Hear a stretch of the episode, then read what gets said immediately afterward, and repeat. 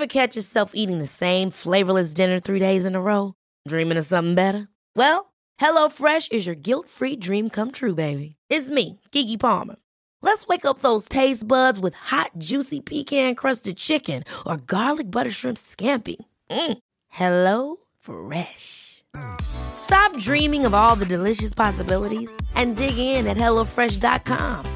Let's get this dinner party started.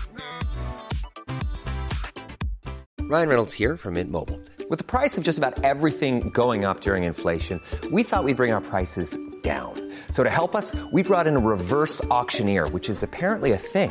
Mint Mobile unlimited premium wireless. Ready to get 30, 30, bit to get 30, bit to get 20, 20, 20, bit to get 20, 20, bit to get 15, 15, 15, 15 just 15 bucks a month. So, Give it a try at mintmobile.com slash switch. $45 upfront for three months plus taxes and fees. Promo for new customers for limited time. Unlimited more than 40 gigabytes per month. Slows. Full terms at mintmobile.com. There's never been a faster or easier way to start your weight loss journey than with PlushCare. PlushCare accepts most insurance plans and gives you online access to board-certified physicians who can prescribe FDA-approved weight loss medications like Wigovi and Zepbound for those who qualify. Take charge of your health and speak with a board-certified physician about a weight loss plan that's right for you. Get started today at plushcare.com slash weight loss. That's plushcare.com slash weight loss. plushcare.com slash weight loss.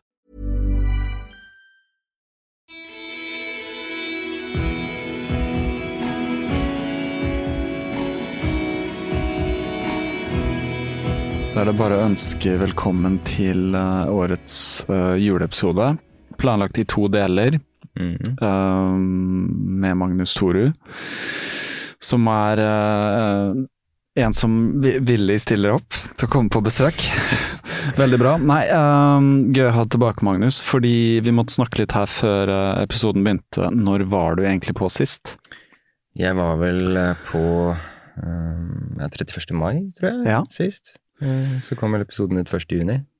Episode 50. Ja, Mm. jubileumsepisode 50, som var um, da vi snakka litt om eh, ja, hva, hva du har drevet med, Mm. eh, egentlig. Og for de som ikke har hørt den, må jo bare gå tilbake. Men uh, på det tidspunktet så uh, var du så vidt i gang igjen med løpingen. Etter å ha hatt en liten, hva heter det, hiatus? Ja, kan vel kalle det en Ja. pandemi-hiatus. Pandemihiatus. Men du visste ikke helt hva skulle skje. Bislett 24 var et Mm. mål. Ja, det var det som var planen. Oslofjorden rundt, snakka vi om det da? Nei, Nei, det gjorde vi ikke. jo, du snakket om det. Du, Ja. skulle, du var påmeldt, var eh, påmeldt. 50 miles. Ja. Eh, Jeg var ikke påmeldt ennå, men eh, jeg kasta meg på da, når du, Du- var påmeldt. Ja. ja. Og det har jeg nevnt i en tidligere episode, men det ble jo ikke noe løping på meg, fordi jeg hadde vært sjuk og alt det der, og så løp du. Um, så det var jo gøy. Mm. Ja Du ble vel nummer, Tre? nummer tre, faktisk. Ja. Ja, stemmer. Men det store som skjedde uh, Det snakka vi om, vi snakka om Spartatlon, men det trodde du ikke ble noe av. Men uh, brått så ringte du meg en dag og sa Oi, det blir noe av. Jeg har Ja. fått plass. Ja, for det gikk vel tre uker da, etter at jeg var hos deg. Ja. Så tikka det jo inn en e-post fra ISA, eller International Spartathlon Association, Ja. eh, hvor det sto at jeg hadde fått, uh, fått plass, da. Uh, og det hadde jeg vel sånn i og for seg regna litt med, kanskje, Mm. i og med at jeg sto såpass høyt på ventelisten. Uh, men som jeg sa i den episoden som vi lagde sist, så tenkte jeg at det ville bli altfor tidlig. Mm. Fordi at jeg hadde trent Jeg hadde trent, men Spartatlon er jo regnet som et av eh, verdens tøffeste ultraløp. Og det krever eh, mye forberedelser, da. Eh, og jeg tenkte at det ville bli for kort tid, og at det ville da være fornuftig å, å ikke være med der, men fokusere på, på NM i 24 timers, og gjøre et godt løp der, for så å gjøre Spartatlon siden, da. Mm. Året etter, rett og slett. Ja. Ikke sant? Men du, du, du fikk i, i juni? 18. juni. 18. juni.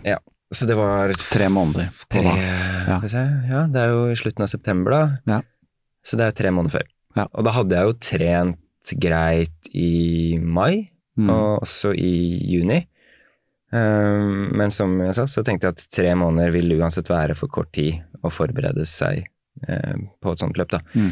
Det, er, eh, det er såpass langt, og du må løpe relativt fort. Da. Det er strenge cutoffs Mm. hele veien. Og så har du selvfølgelig også varmen, eh, som jeg tenker at eh, ja, altså jeg, jeg, tenkte at jeg orker ikke å drive og trene på det. Altså det blir en sånn ekstra tilleggsbelastning i liksom det å komme tilbake igjen i normal trening, da, som i og for seg var målet mitt da. Um, ja, så jeg tenkte at det vil, det vil aldri gå. det vil ikke. Nei. Men så tikka den inn, da, den ja. e-posten. Og hva var første reaksjon, da? Eh, det som var litt morsomt, var at når jeg leste den e-posten, eh, så ringte du Du ringte sånn to minutter etterpå, eh, faktisk. Så jeg satt og leste den, og så ringte du. Jeg husker ikke helt hva vi skulle snakke om da. Jeg tror det var noe i forhold til Oslofjorden rundt. Ja, det kan være. I og med at eh, vi skulle eh, Altså målet Vi snakka jo litt om det, at vi Ja. skulle løpe den sammen. Ja. Eh, og så ringte du rett etter den e-posten kom, da, og da var jeg litt sånn Jeg satt jo i en bil eh, fordi vi hadde vært eh, på en sånn studioinnspilling. Mm. Jeg jobber jo i musikkbarnehage, og vi, vi lager litt eh, egen musikk og sånn, og så hadde vi vært i studio med førskolegruppen og var på vei tilbake igjen til barnehagen. Og så bare tikka den e-posten inn, og så ringte du, og da var sånn Ja, jeg, det føles ut som jeg, jeg skulle holde på å falle ut av bilen. Altså, det var sånn eh, Det var Ja, det var stort, da, å få, en, få ned på det. Men så tenker jeg sånn det- Ja, da, da begynner alle disse spørsmålene, da. Kan jeg rekke det? Mm. Kan jeg få det til? Eh, er det sannsynlig? Um, Jeg, jeg husker hva du sa til meg. Du sa jeg kan, jeg kan klare det. Altså. Jeg kan klare det. og det var sånn, jeg, jeg sendte vel en SMS eh, til Jeanette Vika, da, som har vært på podkasten her før, og som også har gjennomført uh, Spartatlon. Jeg tror jeg sendte henne en SMS eh, rett etterpå og spurte sånn, ja, om jeg kunne rekke det. Og hun, hun mente jo det, da. Mm. Og så ringte jeg vel uh, ringte Simen uh, Holvik, husker jeg, når jeg kom tilbake på kontoret. Mm. Det ble liksom ikke så mye jobbing resten av den dagen. Nei, nei. ble sånn, ble sånn Spartatlon. Da begynte liksom den der Spartatlon-bobla, liksom. Og den hadde jeg vært i tidligere og i og for seg akkurat kommet ut av. Mm. Men så var jeg sånn, nå er jeg på vei inn i den bobla igjen, da. Um, så jeg ringte Simen da jeg kom tilbake på kontoret. Uh, og han sa jo også det samme, at uh, ja, det er bare å kaste seg, kaste seg uti det med begge beina først. Det er liksom ikke noe Det er sånn Simen-holdning til det. Ja, Bare ta For det, han liksom. hadde også plass. Ja, han var jo uh, Han ble jo direkte kvalifisert. Mm. Så han, han hadde plass. Han, han var jo påmeldt også i 2020 og skulle i og for seg løpe, men så ble jo også løpet avlyst. Mm. Eh, så det gikk jo ikke noe løp i 2020. Så han var jo påmeldt fra 2020 og fikk plassen flytta da inn i Mm. 2021. Men det var uh, litt begrensa antall løpere Ja, det er jo, året før, det er jo to år før. Uh, Ja, det er jo et nåløye der. Det er jo det er vel plass til 390 løpere sånn hver, hvert år. Mm. Og det er mange tusen søkere da, fra hele verden. Uh, en del er jo direkte kvalifiserte via at de har et 25% bedre resultat da, enn minstekravet. Mm. Um, og så er det en del søkere som da har oppnådd et minstekrav, eller flere minstekrav. Og det kan da f.eks. være da å ha løpt 180 km på et 24-timersløp, Mm. eller um, gjennomført et løp i Hellas, annet uh, Spartatlon, eller Ja. ja. det, er, det er også andre kvalifiseringsløp som går i Hellas. Uh, Western States, blant annet, er også et løp som du kan kvalifisere deg på. Så det er klart, desto flere sånne krav du har tatt, og desto bedre resultat, desto større sannsynlighet er det også da for å, for å komme med. Mm. Um, eller du kan også da havne på en venteliste, da, sånn som jeg gjorde. Og Mm. på den ventelista er det um, ja, det er vel en 400 som står der òg, så Mm. vidt jeg veit. Mm. Bare lurer på én ting, vi skal sette den telefonen litt opp, for jeg hører litt sånn mobil uh, Kan være at han påvirker opptakeren her litt. Kan være. eh, det har uh, Nei, men ok. Uh, men det du gjorde, var at Og da snakka jeg med deg ganske jevnlig.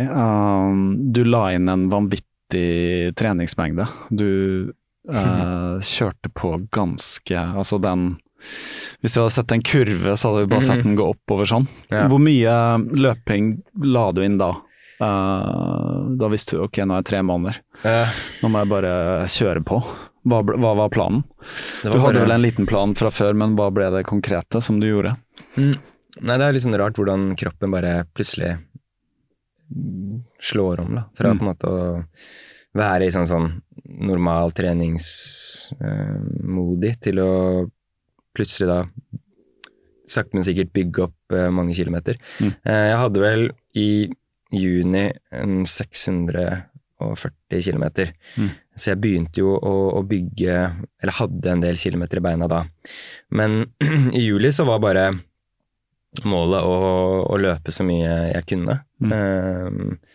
Uten å bli skadet, da. Så jeg måtte jo løpe rolig, eh, så mange rolige kilometer. Mm. eh, med flere uker da etter hverandre med høyt volum.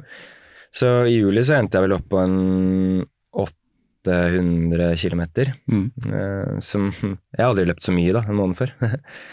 så sommerferien gikk jo Ja, det gikk med primært til, til løping, da. Ja, Vi hadde, vi hadde en og annen tur sammen. Ja. Ikke den Det var vel i juni. Ja. Da løp vi Du løp litt over fem mil. ja, var det den? Ja. Det var i juni, det. Helt til slutten av juni. Ja. For da skulle vi løpe Oslofjorden rundt i august. Ja. Men vi hadde en annen tur òg, mener jeg, eller kanskje vi hadde ikke det? Ja, vi hadde ikke. en i Ja. begynnelsen av juni. Ja, en det hadde vi kanskje. det var en tre og en halv mil, tenker jeg, Mm. vi løp da. Det ble litt langturer. Men eh, nei, for du er en av de eh, som har valgt å ikke poste noe på Strava, Mm. eller ikke være på Strava. Så det er ikke så mange som følger, eh, følger med, kan se hvor mye du løper. Er det bare noen grunn til det, forresten? Eh, ja, jeg, jeg føler at Jeg vet ikke. Eh, det er vel mer fordi at jeg ikke liker at andre eh, overvåker det jeg gjør. Det er liksom Det må være min private greie, da. Mm. Eh, fordi hvis jeg f.eks. har en dårlig uke, da, så føler jeg at okay, da ser alle Mm. at denne uka her har jeg ikke løpt nok. Så det blir liksom en sånn ekstra press. Mm. Jeg syns det er deilig bare å få lov til å være i den løpeverdenen helt alene, uten Mm. at jeg må dele det med andre, og at folk skal analysere hva jeg gjør, like det, eh, og så videre, da. Jeg Mm. tenker at um, Altså, når jeg fokuserer på noe så viktig som det, så er det mitt anliggende. Mm. Mm. Ja, jeg, forstår det godt. Ja. Er det noen som følger med? Har du hatt noen trener, har du hatt noe, Mm. noen som har veiledet deg? Mm, ja, uh, Jeanette Vika var jo den som var der hele veien, eh, og som veiledet meg egentlig fra jeg fikk eh, Altså, hun har vært der hele tiden, fra vi begynte å snakke om løpet i 2019 Mm. eh, og fram til jeg sto, eh, sto i Sparta eh, ved King Leonidas-statuen. Ja. Så hun var der fra, fra A til Å. Så hun tok jo ja, kontakt Eller jeg tok kontakt med henne. Og mm, hun ga meg ja, alle råd, tips og triks eh, som jeg mm, trengte underveis, også sånn i forhold til trening. Eh, hun, hun ga meg noen sånne stikk på forhold, sånn omtrent da hva jeg burde ligge på. Mm. Eh, eksempelvis eh, så hadde jo hun den derre mm, Brukte hun Bømlo Ultra, et sånn 300 km etappeløp, da, eh, som en sånn oppkjøring til sitt eh, Spartatlon. Så jeg prøvde å, å kopiere den litt, grann, Mm. ved å lage en sånn uke hvor jeg da hadde eh, ja, seks-syv dager da, eh, i strekk med, med mye mengde.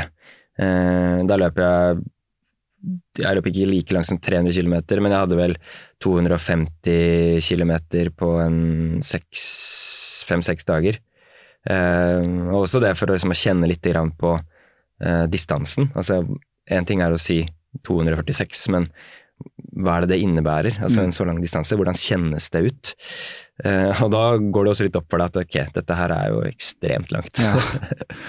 For det løper du da på fem dager? Ja, ikke sant. Ja. Og da tenkte jeg at åh, jeg ble liksom aldri ferdig. Nei, nei. Jeg følte liksom at jeg løp Jeg løper jo fem og seks mil om dagen, men jeg, det tok jo noen dager før jeg liksom hadde nådd Ja, ja. eh, 246 km. Da. Gikk du og tenkte på at i hele tatt om det kom til å gå, eller? Eh, ja, hver dag. Ja. Det er sånn man, det, det går liksom sånn i, i bølger. Eh, enkelte dager så tenkte jeg at eh, det går, og så er det andre dager du tenker at dette her kommer aldri til å gå. Mm. Det er helt umulig. Det, det løpet er så langt, og så leser man jo mye om det også, ikke sant. Fordi man bare Altså, man fordyper seg så i, i Spartatlon og hva det er. Ehm, og leser masse sånne ehm, race reports da, om løpet. og- og ja, eh, For det, det, det søkte du på? Altså, ja, ja, ja, jeg, prøvde liksom å finne ut sånn der, ok, jeg, jeg, var liksom ute etter å, å ta Spartaton litt på at kanskje mange mente at det var tøffere enn det det egentlig ja. var, da. Ja.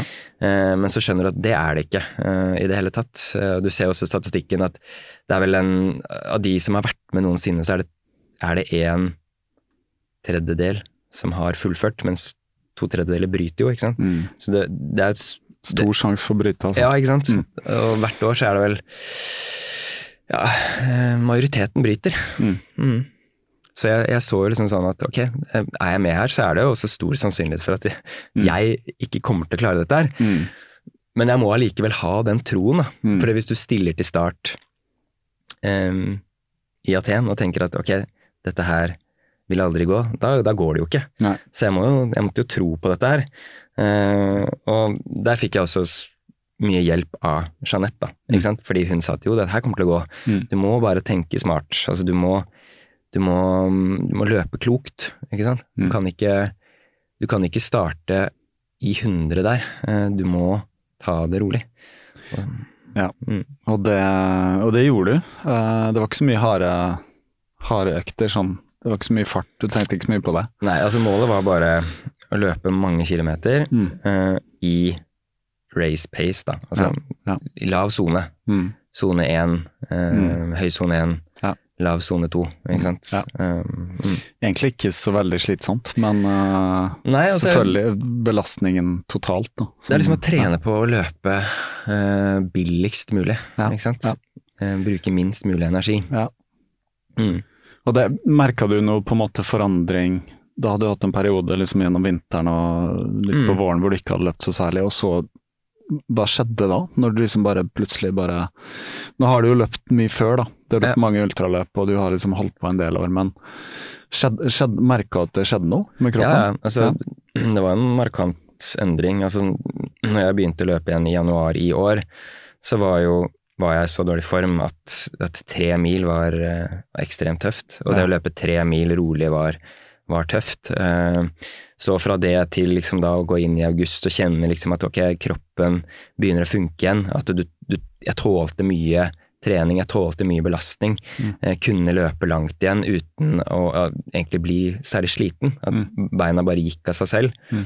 Det var utrolig deilig. Så treningen hadde jo effekt. Ja. Absolutt. Um, og det så man også sånn på Oslofjorden rundt, da. At, uh, at det funka igjen, liksom. Ja, ja. At jeg kunne komme gjennom der og løpe uten egentlig presse meg noe særlig. Og løpe, Det var ikke noen sånn supertid, men jeg kom igjennom Det var helt kontrollert. helt kontrollert, uten problemer. Eh, også Ringerike sekstimers mot slutten av den samme måneden. Da. Mm. Eh, løp jo nesten syv mil. Da løp jeg litt hardere enn det som var planen den dagen. Mm. Men allikevel, det ble nesten syv mil da på, Seks timer. på seks timer, og uten å egentlig presse meg så altfor hardt. Mm. Så da så jeg at ok, dette her eh, har jo fungert, jeg har jo fått mye ut av den treningen som, som er lagt ned. Og det ga meg også en litt større selvtillit, også sånn inn Mm. mot uh, september, da. Mm. Mm. Ja, det er eh, ja, ganske utrolig egentlig. At, uh, men kjente du at du var på grensa noen ganger, eller? Uh, ja, det var jo noen som tenkte tenkt, Ja, alle som vet Alle som har liksom, du vet, eh, Ja. kjørt opp mengden og kjenner jo oi, nå er jeg på grensa. Jeg tror jeg var litt sånn heldig, for jeg Mm. fikk en egentlig litt sånn naturlig progresjon i utgangspunktet. Liksom egentlig fra april fram til september, selv om jeg ikke visste at jeg skulle løpe Spartatlon. Eh, Jeg hadde vel snaue 400 km i april, og så ble det 500 i mai, og så ble det 600 i juni. Så progresjonen var jo riktig, det ble ikke for mye for fort. Mm. Selv om jeg, at, jeg kjente jo at juli 800 km på en måned er mye for meg. Mm. Uh, men i og med at det foregikk såpass rolig, så gikk det bra, og belastningen ble ikke for stor, da. Mm.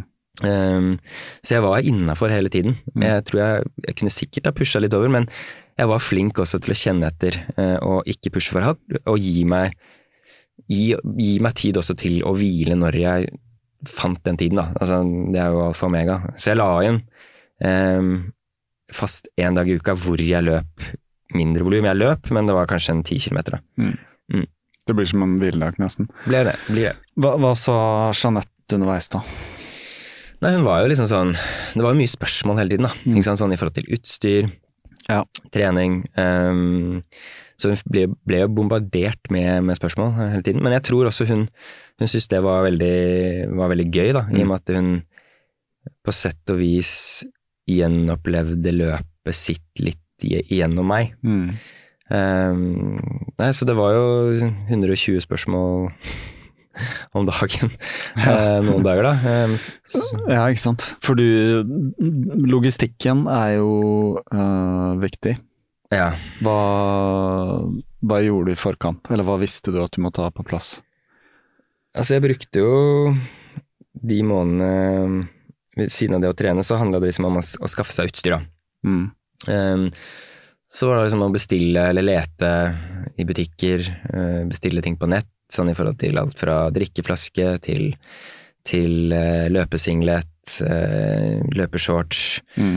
ehm, ja, diverse, da. Ehm, så Jeanette hadde jo eh, en utstyrsliste eh, som hun brukte, og, jeg fikk jo mye fra den. Så Mm. jeg prøvde jo Jeg kopierte jo ikke alt, men jeg brukte en del av det. Så det var bare å, å prøve å skaffe seg de tingene, og også trene med de tingene, da. Mm. Bruke utstyret sånn at du også ble vant til bruken av det. Mm. Men eh, jeg tror ikke jeg var helt i mål med å få alt før sånn ja, i midten av eh, september. Da var jeg liksom Hadde fått inn alt jeg trengte, og kunne liksom begynne å lage disse dropbagene og sånn, som man Mm. også har underveis. Eh, Så det er mye logistikk, det er mye trening på um, å bruke utstyret riktig, eh, og ja Bare komme inn i hele eh, løpet, rett og slett. Og så akklimatisering var øh, et fokus når det nærma seg. Ja. Det var først begynte i september, eller når begynte du med det? Mm, jeg begynte i. Jeg begynte jo i august, Mm. eh, og målet var også sånn i juli å, å bruke de varme dagene som var da, på å, å være ute så, eh, når det var som varmest. Så jeg begynte vel i og for seg i juli, eh, og brukte også hele august på å sitte i en sånn um, infrarød badstue. Som jeg Som er som en liten sånn boks du sitter inne i i sånn- stua. Ser ut som en sånn tevarmer. Ja. eh, som du kan skru opp eh, temperaturen opp til ja, 65-70 grader. Ja. Så det blir godt og varmt inni der. Ja. Så den brukte jeg hver kveld. Det var vel én dag fri i uken med, fra tevarmeren. Mm. Men jeg satt stort sett i den, altså. Og, og det, der kjente jeg også god effekt Mm. utover, da. Mm. At eh, jeg tålte varmen mye bedre. Eh, kunne sitte Altså i begynnelsen så klarte jeg ti minutter i den, eh, og så mot slutten så kunne jeg sitte opptil tre kvarter, da. Ja. Mm. Så det blir godt og vått, da. Ja. sånn Væske hadde du plenty, du drakk. Ja ja, man må jo også få drukket når man sitter sånn. Så, Ja. Og så var det selvfølgelig også å drive og løpe med eh, varme klær. Mm. Eh, ta på seg ekstra med, med vinterbekledning når det er ja, noen og 20 varmegrader ute. Det gir også veldig god effekt, da. Eh, Da, hadde, da løp jeg med deg noen turer. Uh, en gang jeg møtte deg, du hadde løpt 20 allerede, eller et eller annet sånt. mm, Eh, så litt morsomt ut. Du kom med lue og hansker og jakke og bukse og alt. Jeg løp liksom Selvfølgelig alle var ute i shorts og sånn. Mm. Det måtte man bare drite i, selvfølgelig. ja, man fikk jo man fikk en del blikk da, fra folk rundt. Ja. Lurte på okay, hva er det som feiler han. Det er jo sol og 25 varmegrader, og så kommer det en kar i vinterjakke og lue og, Ja. og med halsker og Så når, når trappa du ned, og når begynte du å tenke at nå må overskuddet komme, da? Eh, Jeg begynte å trappe ned i eh, Skal vi se begynte å trappe ned tre uker eh, før løpet, så jeg hadde vel siste sånn ordinære eh, treningsuke med normal trening første uka i september. Eh, og så la jeg vel inn siste langtur da, da var det vel Romeriksåsen på langs. Mm. Det var jo 50 km terreng. Da fikk jeg også en veldig sånn god, god eh, langtur der, da. Hvor jeg var ute i en åtte timer eh, uten å bruke, bruke meg så mye. Det gikk jo rolig for seg. Mm. Eh, så det var en siste god langtur. Og så var det da bare gradvis å, å trappe ned mengde inn mot løpet, da. Så siste to ukene før så lå jeg vel på en ja, åt, Eller siste to uker før så lå jeg på 80 km, tror jeg. Eh, Siste uka før så var det, var det veldig lite. Da var det bare sånn noen rolige turer for liksom å holde Mm. kroppen i gang, da. Og da var eh, hvor, Jeg husker jo vi snakka om det, her, men det var litt sånn Alt var litt usikkert. Covid, Uh, Ja, eh, branner, skogbranner i Hellas. alt var litt sånn Plutselig du begynte å bli litt stressa, og plutselig så booka de om flighten din. Mm. helt rett ja, det var mye som skjedde på slutten der. Så Det var liksom hele Ja, tiden et eller annet. Nei, det var jo disse skogbrannene, da, Um, de, som herja rundt, i, rundt Aten, Mm. var det vel. Mm. Uh, samtidig som også at uh, Hellas fikk vel en smitteøkning. Mm. Så det kom noen sånne beskjeder om at, uh, at løpet ikke kunne gjennomføres fordi at en del um, si, kommuner i, i Hellas eh, hadde mye smitte. Mm. Og da, derfor fikk man ikke lov til å arrangere altså Løypa kunne ikke gå gjennom de områdene med mye smitte. da.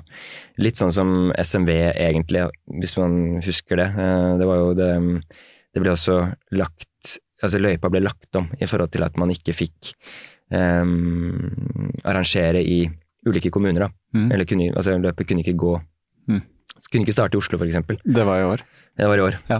Eh, så det samme hjalp litt der. Og hvis man da måtte legge om løypa, så, så løpet er jo såpass langt, og poenget med løpet er jo å løpe i Fedippedes fotspor. Mm. Så da tenkte man at ok, da, da er det litt sannsynlig at det kan gjennomføres. Mm. Ehm, men så, så var det veldig stille også fra arrangør, da, eh, tett opptil. Det kom liksom veldig lite. Mm. Så sånn helt så ti dager før så var jeg sånn litt redd for at det faktisk skulle um, avlyses, da. Men um, så plutselig så De satt og venta litt, kanskje? ja, så kom det en Hadde de en pressekonferanse. Det var vel fire-fem dager før. Mm. Og da ble det annonsert at løpet skulle gå, etter Ja. planen. Og så reiste du, Mm. Um, og fortell, hva skjedde når du ankommer, og hva gjør du? Nei, altså Det var litt som du sa i stad i forhold til det med, med flighten og sånn. da. Den ble jo også noe tull med. Sånn at eh, jeg ble booket på et feil fly og måtte mm, styre med det uh, rett før. Men så gikk det heldigvis greit. Uh, jeg fikk booket om til et fly som passet i forhold til når jeg kunne Ankomst. reise.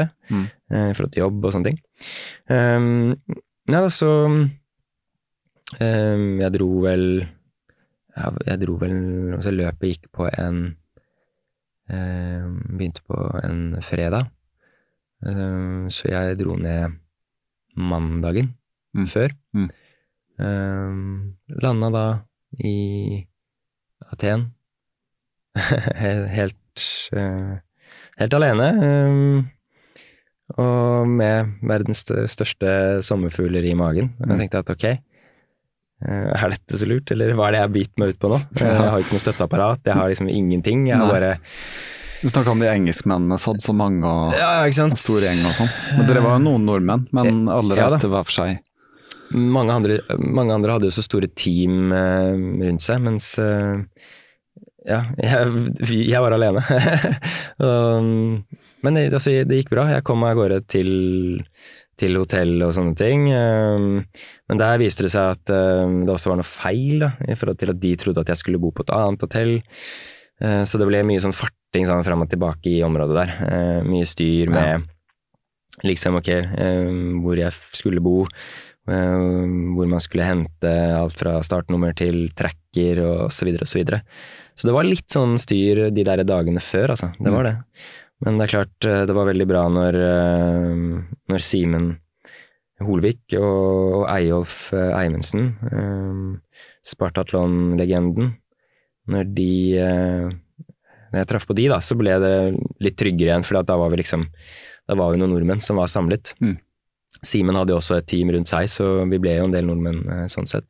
Hadde du møtt Simen før, eller bare snakka med han? liksom? Uh, Du har ikke møtt han i person? Han en Ja. gang tidligere i person, tror jeg. Ja. men vi hadde egentlig mm, snakket mest på, på telefon. Ja, Mm. for dere hadde litt kontakt i forkant òg, det fortalte du jo litt. ja, ja, vi fikk prata litt.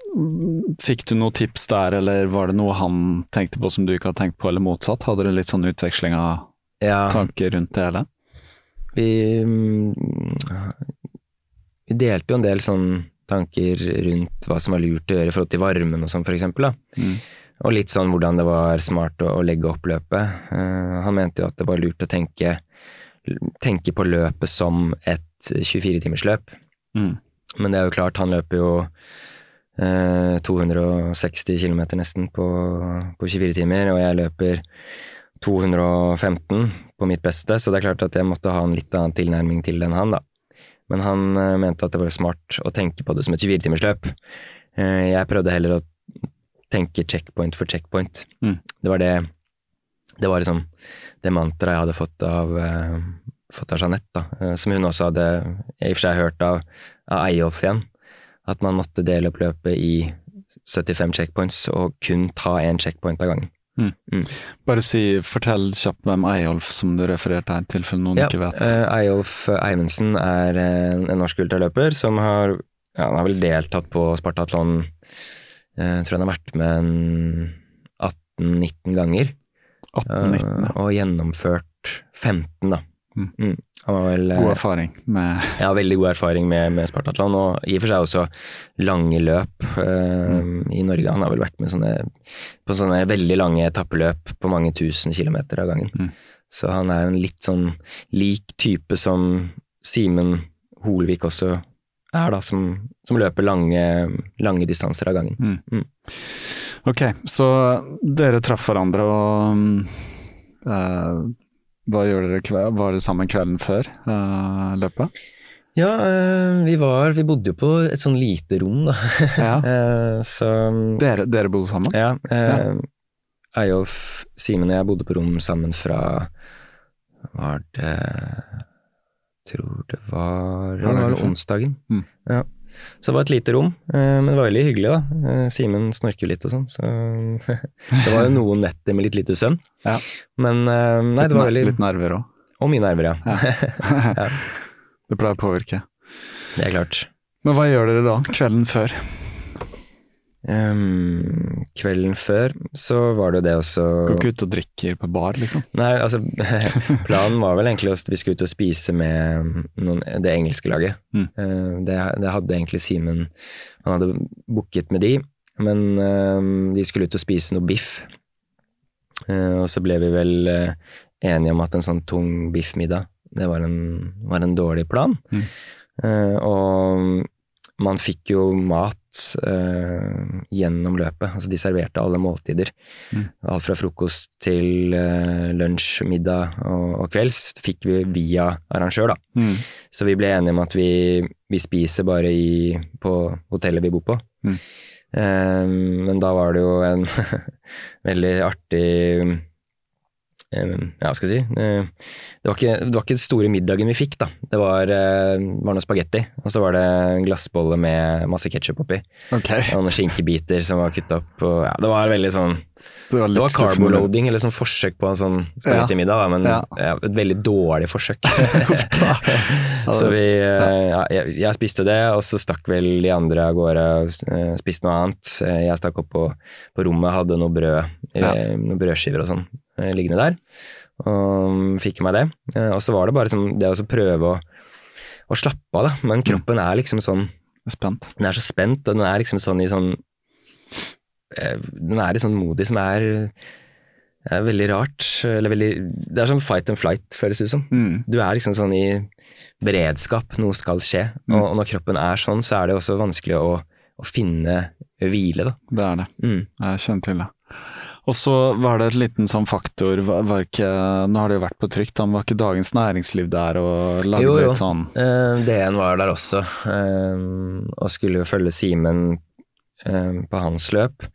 Så de var der, og så ville de også snakke med Eyolf for meg. Så det var, det var liksom noe som skjedde hele tiden. Det var aldri helt rolig. Det var sånn ok, nå må vi ned og snakke med de, og så måtte jeg stikke og levere noen dropbags, ikke sant. Og så er det sånn, ja, alle fikk ikke racetrackerne sine samtidig, så man måtte opp og hente de. Så det var liksom sånn det var delt opp i sånne små ting som måtte gjøres hele tiden. Det var alltid noen gjøremål, da. Hva hadde du sagt til familien hjemme at uh, jeg er sånn radio silence, liksom? Eller hadde du noen sånn Eh, avtale om å Jeg oppdatere? Jeg snakka jo med, med samboeren min, da, Stine, eh, og fikk også ringt sønnen min hver kveld og, og prata litt med han. Da. Mm. Men eh, det var også sånn ja, Man kjenner jo på mye lengsel og, etter de nærmeste i familien også, så det Mm. Ja, jeg syns jo det var litt sånn utfordrende å, å prate med de òg, da, at det er klart Ja, det, man er liksom så langt unna. Mm. Um, så man kjenner jo på en del følelser også i tilknytning de. Mm. Mm. Og så kommer morgenen, grytidlig. Opp. Ja, det var eh, Det var helt Altså, den kvelden der var bare Jeg prøvde jo å prøvde å sove? Prøvde å sove. Fikk ikke sove. Nei. Og så begynner Simen da med den snorkingen sin. og han er sånn Han snorker i perioder. Ja. Som veldig, veldig mange menn, da. Som veldig mange, Det var sånn, ok, faktisk. så deilig når han stiller, ikke sant. Så, så Ja. nå må jeg prøve å finne, finne roen. Um, men så begynner han igjen, ikke sant. Og så prøvde jeg liksom å ta Brukte noen sånn ja, hodetelefoner, da. Prøvde å ligge med det, men det gikk jo heller ikke. La noen puter over hodet. Funka ikke. Så går man på do, ikke sant. Ja. Eh, Så på klokka og sånn. så på klokka, Ja. men det må man ikke gjøre. Så ser ikke du liksom bare at okay, du veit du skal opp halv fem, og du, Ja. og du bare sånn ok, det er så surrealistisk alt sammen, for du ligger liksom på et hotellrom Mm. med Simen Holvik og Eyolf Eivindsen i, uh, i Aten, og du veit at du skal altså halv fem så skal du opp og så skal du løpe Spartatlon, ikke sant. Mm. Og da begynner liksom, når du tenker det, så begynner alle de derre tingene du har lest om, om løpet, altså alt bare surrer i hodet da, ikke sant. Ja, ja. Det blir så enormt mye tanker. Og så snorker Simen enda mer, og så får du ikke sove. Han fikk sove. Han fikk sove, da. Jeg tror ikke Eyolf sov så mye, han heller. Nei. Altså, det, ja. Ja. Men ble det i hele tatt blund, eller? Nei, jeg tror egentlig ikke jeg Nei. så noen ting. Eh, Jeg sov egentlig veldig dårlig også natta før der, da. Så Ja. de to siste eh, nettene så hadde jeg vel totalt kanskje en tre til fire timer med søvn, da. Oi, oi. Så det var, jeg, jeg merka jo at jeg var trøtt når vi sto opp klokken halv fem.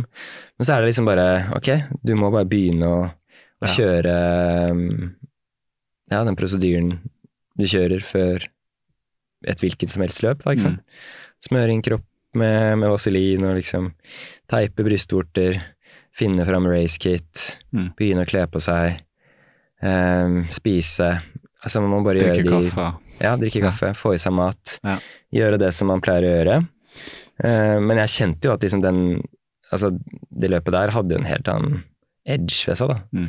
Det- noe annet som det er vært noe veldig annet, og det Ja. var også sånn Jeg har aldri, jeg har aldri løpt et ultraløp i utlandet før, så det var jo det første ultraløpet jeg gjorde i utlandet, var jo Spartatland. Så det er en helt annen greie. Du bor jo på hotell, og det er løpere overalt ikke sant, som Mm. farter rundt, og alle er liksom i en sånn boble, ikke sant. Modus. Så du, man kjenner jo på den derre spenningen, ikke Mm. Den intense spenningen. Og så kommer du ut, og så eh, ser du liksom Står masse løpere rundt ikke sant, og tripper, og så kommer, kommer bussen, da, ikke sant? Mm. Som skal ta oss eh, til start. Eh, og det er bare sånn, ok. Da, da er man liksom sånn Man må klype seg selv litt i, i armen, da Mm. og tenke sånn ok, det, nå, nå skjer det faktisk. Og så husker jeg vi gikk inn på bussen, um, og Simen driver og snakker hele tiden om liksom at dette her må bli tradisjon, og dette er så kult, og det er guttetur, og få med flere på dette her, og det, det må vi gjøre neste år òg, Magnus. Og jeg sitter vel Før de har begynt. Før det har begynt, ikke sant. Og jeg bare sitter sånn, ja ja, ikke sant, det kan vi sikkert Mens inni meg så bare, fy fader. Jeg skal, jeg skal aldri gjøre dette her igjen, liksom. Og vi, vi er- vi er ikke kommet til startstreken engang, ikke sant. Nei. Jeg bare- jeg bare tanken- på. Ja, ja, tankene bare raser gjennom hodet. Og, og, det, det føles ut som alle syns at dette her er så sinnssykt gøy. Alle ler, og det er, sånn, det er, det er en sånn spent stemning. Mm. Og Simen snakker, og, og Eyolf snakker med en eller annen, ikke sant? mens jeg sitter sånn og bare ja, ja, ja, ja. Ser ut av vinduet. Og prøver liksom å bare å leve, eller så overleve. Eh, det er liksom det viktigste jeg, jeg kan gjøre der. Eh, og, ja. og så, så nærmer man seg da denne um, Akropolis. Og bussen stopper, ikke sant. Um, Og det er mørkt ennå. det er fortsatt mørkt. Mm. Og man går ut av bussen, og så Det første som skjer da, er at man må jo tisse, ikke sant. Mm. Så jeg måtte bare finne et tre, ikke sant. Og, men um, ja, så begynner man å Ja, hva skal jeg si? Kjenner liksom på at ok, er jeg eh, Dette her er en, kanskje altfor stort for meg, liksom. Hva har det jeg har gjort? Hva er det jeg gjør her? Ja, ja. Akkurat som skal liksom sette en romrakett til månen og Ja. bare Jeg angrer. Og, og så begynner Eyolf, og han bare ja, 'jeg skal vise dere vei', ikke sant. Mm. Men han begynner å Han går jo feil vei. Han tar oss liksom helt i feil retning, ikke sant. Og så sier Simen sånn 'men ligger ikke Er ikke Akropolis den veien', liksom? Ja. Eh, han bare 'å, jo', ja, ikke sant. han, Har vært der 18 ganger. Ja, jeg har vært der 18-19 ganger, og så finner han ikke veien. så det er sånn ja. Og så kommer vi ned til eh, startområdet, og der er det sånn, ikke sant Der er det jo helt kaos, fordi um, der har jo arrangøren bestemt at vi egentlig skal ha en puljestart, Mm. men det virker jo ikke sånn at de har ja, forberedt noe puljestart i det hele tatt, fordi det er bare løpere overalt, og det er kaos, og det løper eh, altså Arrangøren løper rundt med sånn en megafon og sier at vi skal holde avstand. Mm. En med one meter, one meter, driver de og roper, da. Ja. Eh, Og det men- er ikke så lett. Nei, det er ingen som klarer Med det. 200 og noe der, Det er- det var nesten 300 løpere til start. 300, ja. Og så er det support, og du har journalister, og du har Mm. droner som flyr, og det er liksom sånn Ok, det er et lite felt som skal ut i start, da, men det føltes ut som Oslo Maraton Mm. ganger tre, liksom. Selv om vi ikke var 5 engang av, Ja, ikke av det, ikke sant. Mm. Uh, så det var ja, veldig kaotisk. Og det blir ikke noe bedre av at de drar frem et sånn der Spartatlon-banner helt foran i start, for da skal jo alle løpe fram dit Mm. for å stå foran og ja, eh, bli filma, da, ikke sant. Mm. Mm. Så veldig kaotisk. Oi, oi. Og du bare tenker ja, jeg må bare Jeg, jeg trenger ikke starte fremst. Nei, det jeg, tenkt, det, eller det jeg tenkte der, var bare at ok, eh, nå skal jeg løpe til, til Korint, Mm. eh, 80 km. Det er liksom Hvis jeg klarer å løpe til Korint eh, og, og komme meg gjennom den første 50-mileren, så er det i hvert fall ikke helt krise, liksom. Da Mm. kan jeg dra hjem med ja, æren delvis i behold. Ja. ja. Begynte å lage noen unnskyldninger allerede, eller? ja, ja, jeg ja, det var sånn Ja, jeg kan jo liksom akkurat klare løpe liksom på cutoffen, og liksom akkurat ikke klare liksom cutoffen Ja. jeg kommer til Korint. Ja. Så jeg prøvde liksom å finne noen sånne gode unnskyldninger da, Mm. for å liksom kunne stå av i, eh, i Korint. Men det, det var det første målet. Så, så hva skjer da når, eh, når det skal til å starte? Får dere sånn fem minutter, eller roper de et eller annet sånt? Ja, ja, de roper masse hele tiden, og det, jeg, jeg går vel litt inn i en sånn derre Altså, jeg, jeg, jeg, går vel veldig inn i meg selv. Mm. Uh, orker ikke å snakke med noen. Uh, prøver liksom å bare Da mister du litt sånn de andre og jeg, ja. Ja, jeg, måtte bare være alene. Mm. Det er, løper overalt, og alle prater, og det er, det er jo god stemning. Mm. Uh, man, man står jo på, står på startstreken um, Ja, i verdens tøffeste, eller et av verdens Mm. tøffeste ultraløp. Eh, og mange har jo brukt mange år for å komme seg dit. Eh, så det er klart at stemningen er jo, er jo veldig spent, da. Mm. Eh, men jeg måtte bare være, være for meg selv, Mm. selv om man står jo midt i en sånn klynge av løpere, eh, og du ser liksom ja, at dagen begynner å gry. Eh, Det er droner som flyr over deg og filmer, ikke sant. Og så, så begynner de å rope sånn 'five minutes', ikke sant. Så 'three minutes', og så til slutt så begynner man å telle ned, ikke sant. Mm. Og så er det sånn derre Så står det der, ikke sant. Lille Magnus. ja, og så går det et sånt derre horn, da. Eh, som de som de fyrer av, og så Så setter vi i gang, da. Mm. Og folk skriker 'Tu Sparti', ikke sant. Ja, ja. Og da bare da må Bare man bare begynne å løpe. løpe. 246 km. Ja. Mm. Men uh, du har satt deg et delmål, og det er jo klokt, selvfølgelig. Mm. Det er jo det man må gjøre. Uh, for at det blir for mye å tenke. Ja, ja. Så du skal til Korint, og da har du hvor lang tid på deg? Da har jeg ni og en halv time på å klare det. På 80 km. Og det er i og for seg en tøff nok cutoff, det. Ja, det er det. Det er jo De fleste hadde jo ikke klart det, eller de fleste, spørs hva vi snakker om. Men, eh, altså Hvis du ser på en resultatliste på en 50-miler i Norge, da, Mm. så ja. Jeg vil si at liksom den øvre halvdelen er det mange som, som ikke kommer over mm. Eller som hadde klart den cutoffen, da. Mm. Mm. Så hva skjer på vei til Korint? Nei, altså jeg, Når jeg løper gjennom Aten, så er det sånn altså Det er enormt mye følelser som, som tar tak i meg, da. Um, Men det føles bra å være i gang? eh, nei, egentlig Nei. ikke. Nei?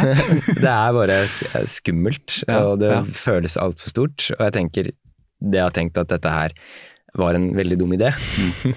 det er altfor kort tid, og jeg, skulle, jeg er altfor ung. Jeg er bare 35, og de fleste gjør det løpet her som, som høydepunktet kanskje i ultrakarrieren sin, ikke sant. Mm. Og så flyr jeg rundt der 35 år, eh, hva er det jeg har her å gjøre, liksom? Mm. Um, så det velter jo en del følelser inni meg. Jeg bare Ja, kjenner på det at herre min, jeg er her og løper. Um, Spartatlon. Um, kjenner at jeg nesten er sånn, litt sånn på grineren. Men så må man bare trekke pusten dypt da, og, og fokusere. Um, og tenke ok, nå skal vi i hvert fall klare ti kilometer først, og så bare får vi ta det steg for steg. ikke sant? Checkpoint for checkpoint. Mm. Så det er bare det å kjenne på å la beina komme i gang, og begynne å jobbe, da. Mm. Så første milen går selvfølgelig helt fint, den. Mm. Um, men etter to mil, da begynner jeg å kjenne på at ok, her er det noen vannblemmer som kommer Allerede. allerede, liksom, på høyre fot. Men det er fordi at jeg ikke har dratt på meg sokken ordentlig, ikke sant. Oi. Så jeg tenker sånn, ok, det er sånn det ender, liksom. Det er, eh, det er to mil og vannblemmer, eh, og rett ut etter eh, ja, en maraton, ikke sant. Ja, ja. Men så er det sånn, ok, jeg må tenke positivt, være litt proaktiv. Så jeg er lur og stopper opp, trekker opp sokken, knyter skolissen ordentlig, og begynner å, å løpe igjen, da. Og så går det tre-fire kilometer, og så slipper heldigvis den der følelsen av vannblemmet, da. Og da begynner jeg å kjenne liksom at ok, dette her funker jo. Jeg kommer liksom inn i en sånn arbeidsrytme, og, og kroppen bare går, egentlig. Mm. Så alt handler om bare, som jeg blir enig med Jeanette om, checkpoint til checkpoint, ikke sant? Mm. En Hvor checkpoint av ofte er det checkpoints? Det er vel mellom ja, snitt så er det vel ca. 3,5 km Mm. Mellom, mellom hver checkpoint. Så, det, så de kommer jo ganske hyppig. Og der kan man få seg noe Ja, der er det På de første checkpointene så er det eh, stort sett bare drikke, da. Mm. Men så etter hvert så begynner de å servere mer mat, og ja. Mm. Det blir mer å spise. Sånn at det alltid er noe å, å fylle i flaska eller ta til seg av næring, da. Mm. Mm. Eh, beklager, min datter sitter og sender meg tekstmeldinger. Uh, ja, eh, men omsider så eh, så må jo på en måte litt sånn angsten slippe taket. Eller den derre Ja, ja. Det, det skjer jo sånn cirka etter Jeg vil si at det skjer rundt Altså etter at den følelsen av vannblemme Når den slapp taket, så slapp liksom angsten litt også. Ja. Da kjenner jeg liksom at ok, ehm, nå har jeg kommet inn i en sånn arbeidsrytme. kroppen funker. Dette funker, dette har jeg trent på. Mm. Jeg har jo trent på dette her å løpe fra checkpoint til checkpoint i, i sommer, ikke sant. Mm. Um, så, så dette kan jeg. Jeg, det, jeg vet jo hva jeg skal gjøre nå. Og det er bare å komme seg til neste checkpoint Mm. og la beina gå. Og så lenge det føles greit, så er det det eneste jeg skal tenke på nå. Mm. Det er bare liksom å bevege meg. Hvordan er det med folk langs veien og andre løper og biler og hvordan er liksom Nei, man løper jo langs, øh, langs motorveien, da. Det er langs motorveien. Blant annet. Ja. Og så er det en firefeltsvei, eller hvordan er det? Ja, det er som å løpe langs øh, Ja, skal vi si øh, Av ringvei, liksom, Ja. i Oslo. ja, så Ja. det er mye tungtrafikk og Men er du, er, men er du i veiskulderen, liksom? Mm, Ja, Ja. og så er det en del steder det står politi og sånn, da. Ja. Så politiet har jo sperret av veien og, og delt opp med eller skilt med, med kjegler og sånn, sånn at du er jo Sånn sett så er du jo trygg. Mm. Og i de mest trafikkerte områdene så sperrer de av sånn at eh, de slipper over løpere mm. når, når man kommer, da. Ja. Så sånn sett er man jo, er man jo trygg. Så det var ikke noe forstyrrende sånn veldig, egentlig?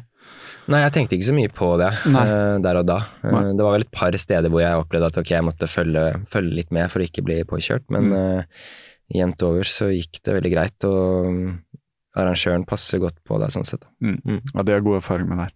Ja. Så når Så du, du kommer deg til Korint. Hvordan, hvordan er det på tid? Følger du med? Har du Mm, klokka ja, er- på snittid, eller hvordan? Ja, ved maratonpassering så Mm. var jeg vel en halvtime foran cutoff. Mhm. Um, så jeg, jeg tenker egentlig ikke så mye på, på cutoffen. Jeg prøver bare å la kroppen gå og bruke Altså ikke bruke for mye tid på checkpointene, men liksom bruke nok tid, da, sånn at jeg får spist, Mm. drukket, isa ned. Mm. Um, ja. Og jeg føler vel hele tiden at jeg har god kontroll på tida. Mm. Den stresser meg egentlig aldri, Nei. den, um, den cutoffen, altså. Og jeg, jeg er vel inne i Korint, da er jeg vel ca. én time pluss foran cutoff. Mm. Så rundt åtte og en halv time?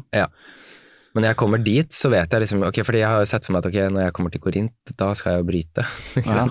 Eller altså, jeg har jo sluppet den tanken underveis, men Ja. når jeg kommer til Korint, så vet jeg liksom ikke helt hva jeg skal ta meg til. Mm. Fordi Ja. Du hadde eh, ikke tenkt noe lenger? Nei. Nei. Eller jeg, jeg hadde jo det, men jeg, plutselig så var jeg der, ikke sant. Mm. Og så bare ok, hva skal jeg gjøre nå? Så jeg surrer mye rundt og bare finner noe å spise, eh, øh, finner noe å drikke, og så er det vel noen svensker som jeg hører, da, så jeg setter meg ned med de. Mm. Eh, men så hører jeg at de Det er mye prating om at det ikke går så bra. Mhm. At det er eh, snakk om noe bryting, og at de skal bryte, da. Mm. eh, par av de. Og da føler jeg at det blir mye sånn Blir vel negativt. Mm. Så jeg eh, Så selv om du tenkte du kanskje skulle bryte, så ville du ikke være med på den derre Nei, jeg, men jeg orka ikke mer. Sånn, sånn, jeg måtte bare Nei. være Ja. Altså, En ting er på en måte å, å ha de tankene selv, men å bli påvirket av andre, det har jeg vært med på før. da. Altså At jeg har vært oppi andre løpere som eh, tenker å bryte, og så blir man påvirket av det, Mm, og, og bryter selv. Ja. Så det var jeg litt sånn Det var jeg redd for, da. Eh, og akkurat da så følte jeg også at kroppen funka jo, jeg var liksom i en sånn god flyt. Så det var dumt å på en måte få noen negative um, Vibber. Vibber. Ja, ja. Mm. Så da bestemmer du deg for å bare komme deg ut igjen? Ja, jeg er egentlig ganske rask. Ja. Eh, Og det er uh, midt på dagen og det er varmt? eh, ja. Det er over middagshøyden, liksom, men Mm. det er- begynner det å bli varmt? Da begynner det å bli ganske varmt. Eh, jeg husker ikke altså, klokken hva den var akkurat da. Når jeg brukte vel ass, Skal vi se um, Starten var vel klokken åtte om morgenen. Mm. Så jeg er vel inne ved Korint sånn i halv tre-tre-tiden, da. Og det er, da er det varmt. Så jeg kjente jo det at med en gang du kom ut Eller halv fem, faktisk. Åtte pluss åtte, 16. Klokken 16. Ja, 16.30, da, det blir jo riktig, da. si. Mm. Ja. Så jeg kjente jo at det var godt og varmt da. Så, så hva gjør du? Du til slutt bestemmer jeg må løpe videre. Uh, hva blir neste mål da?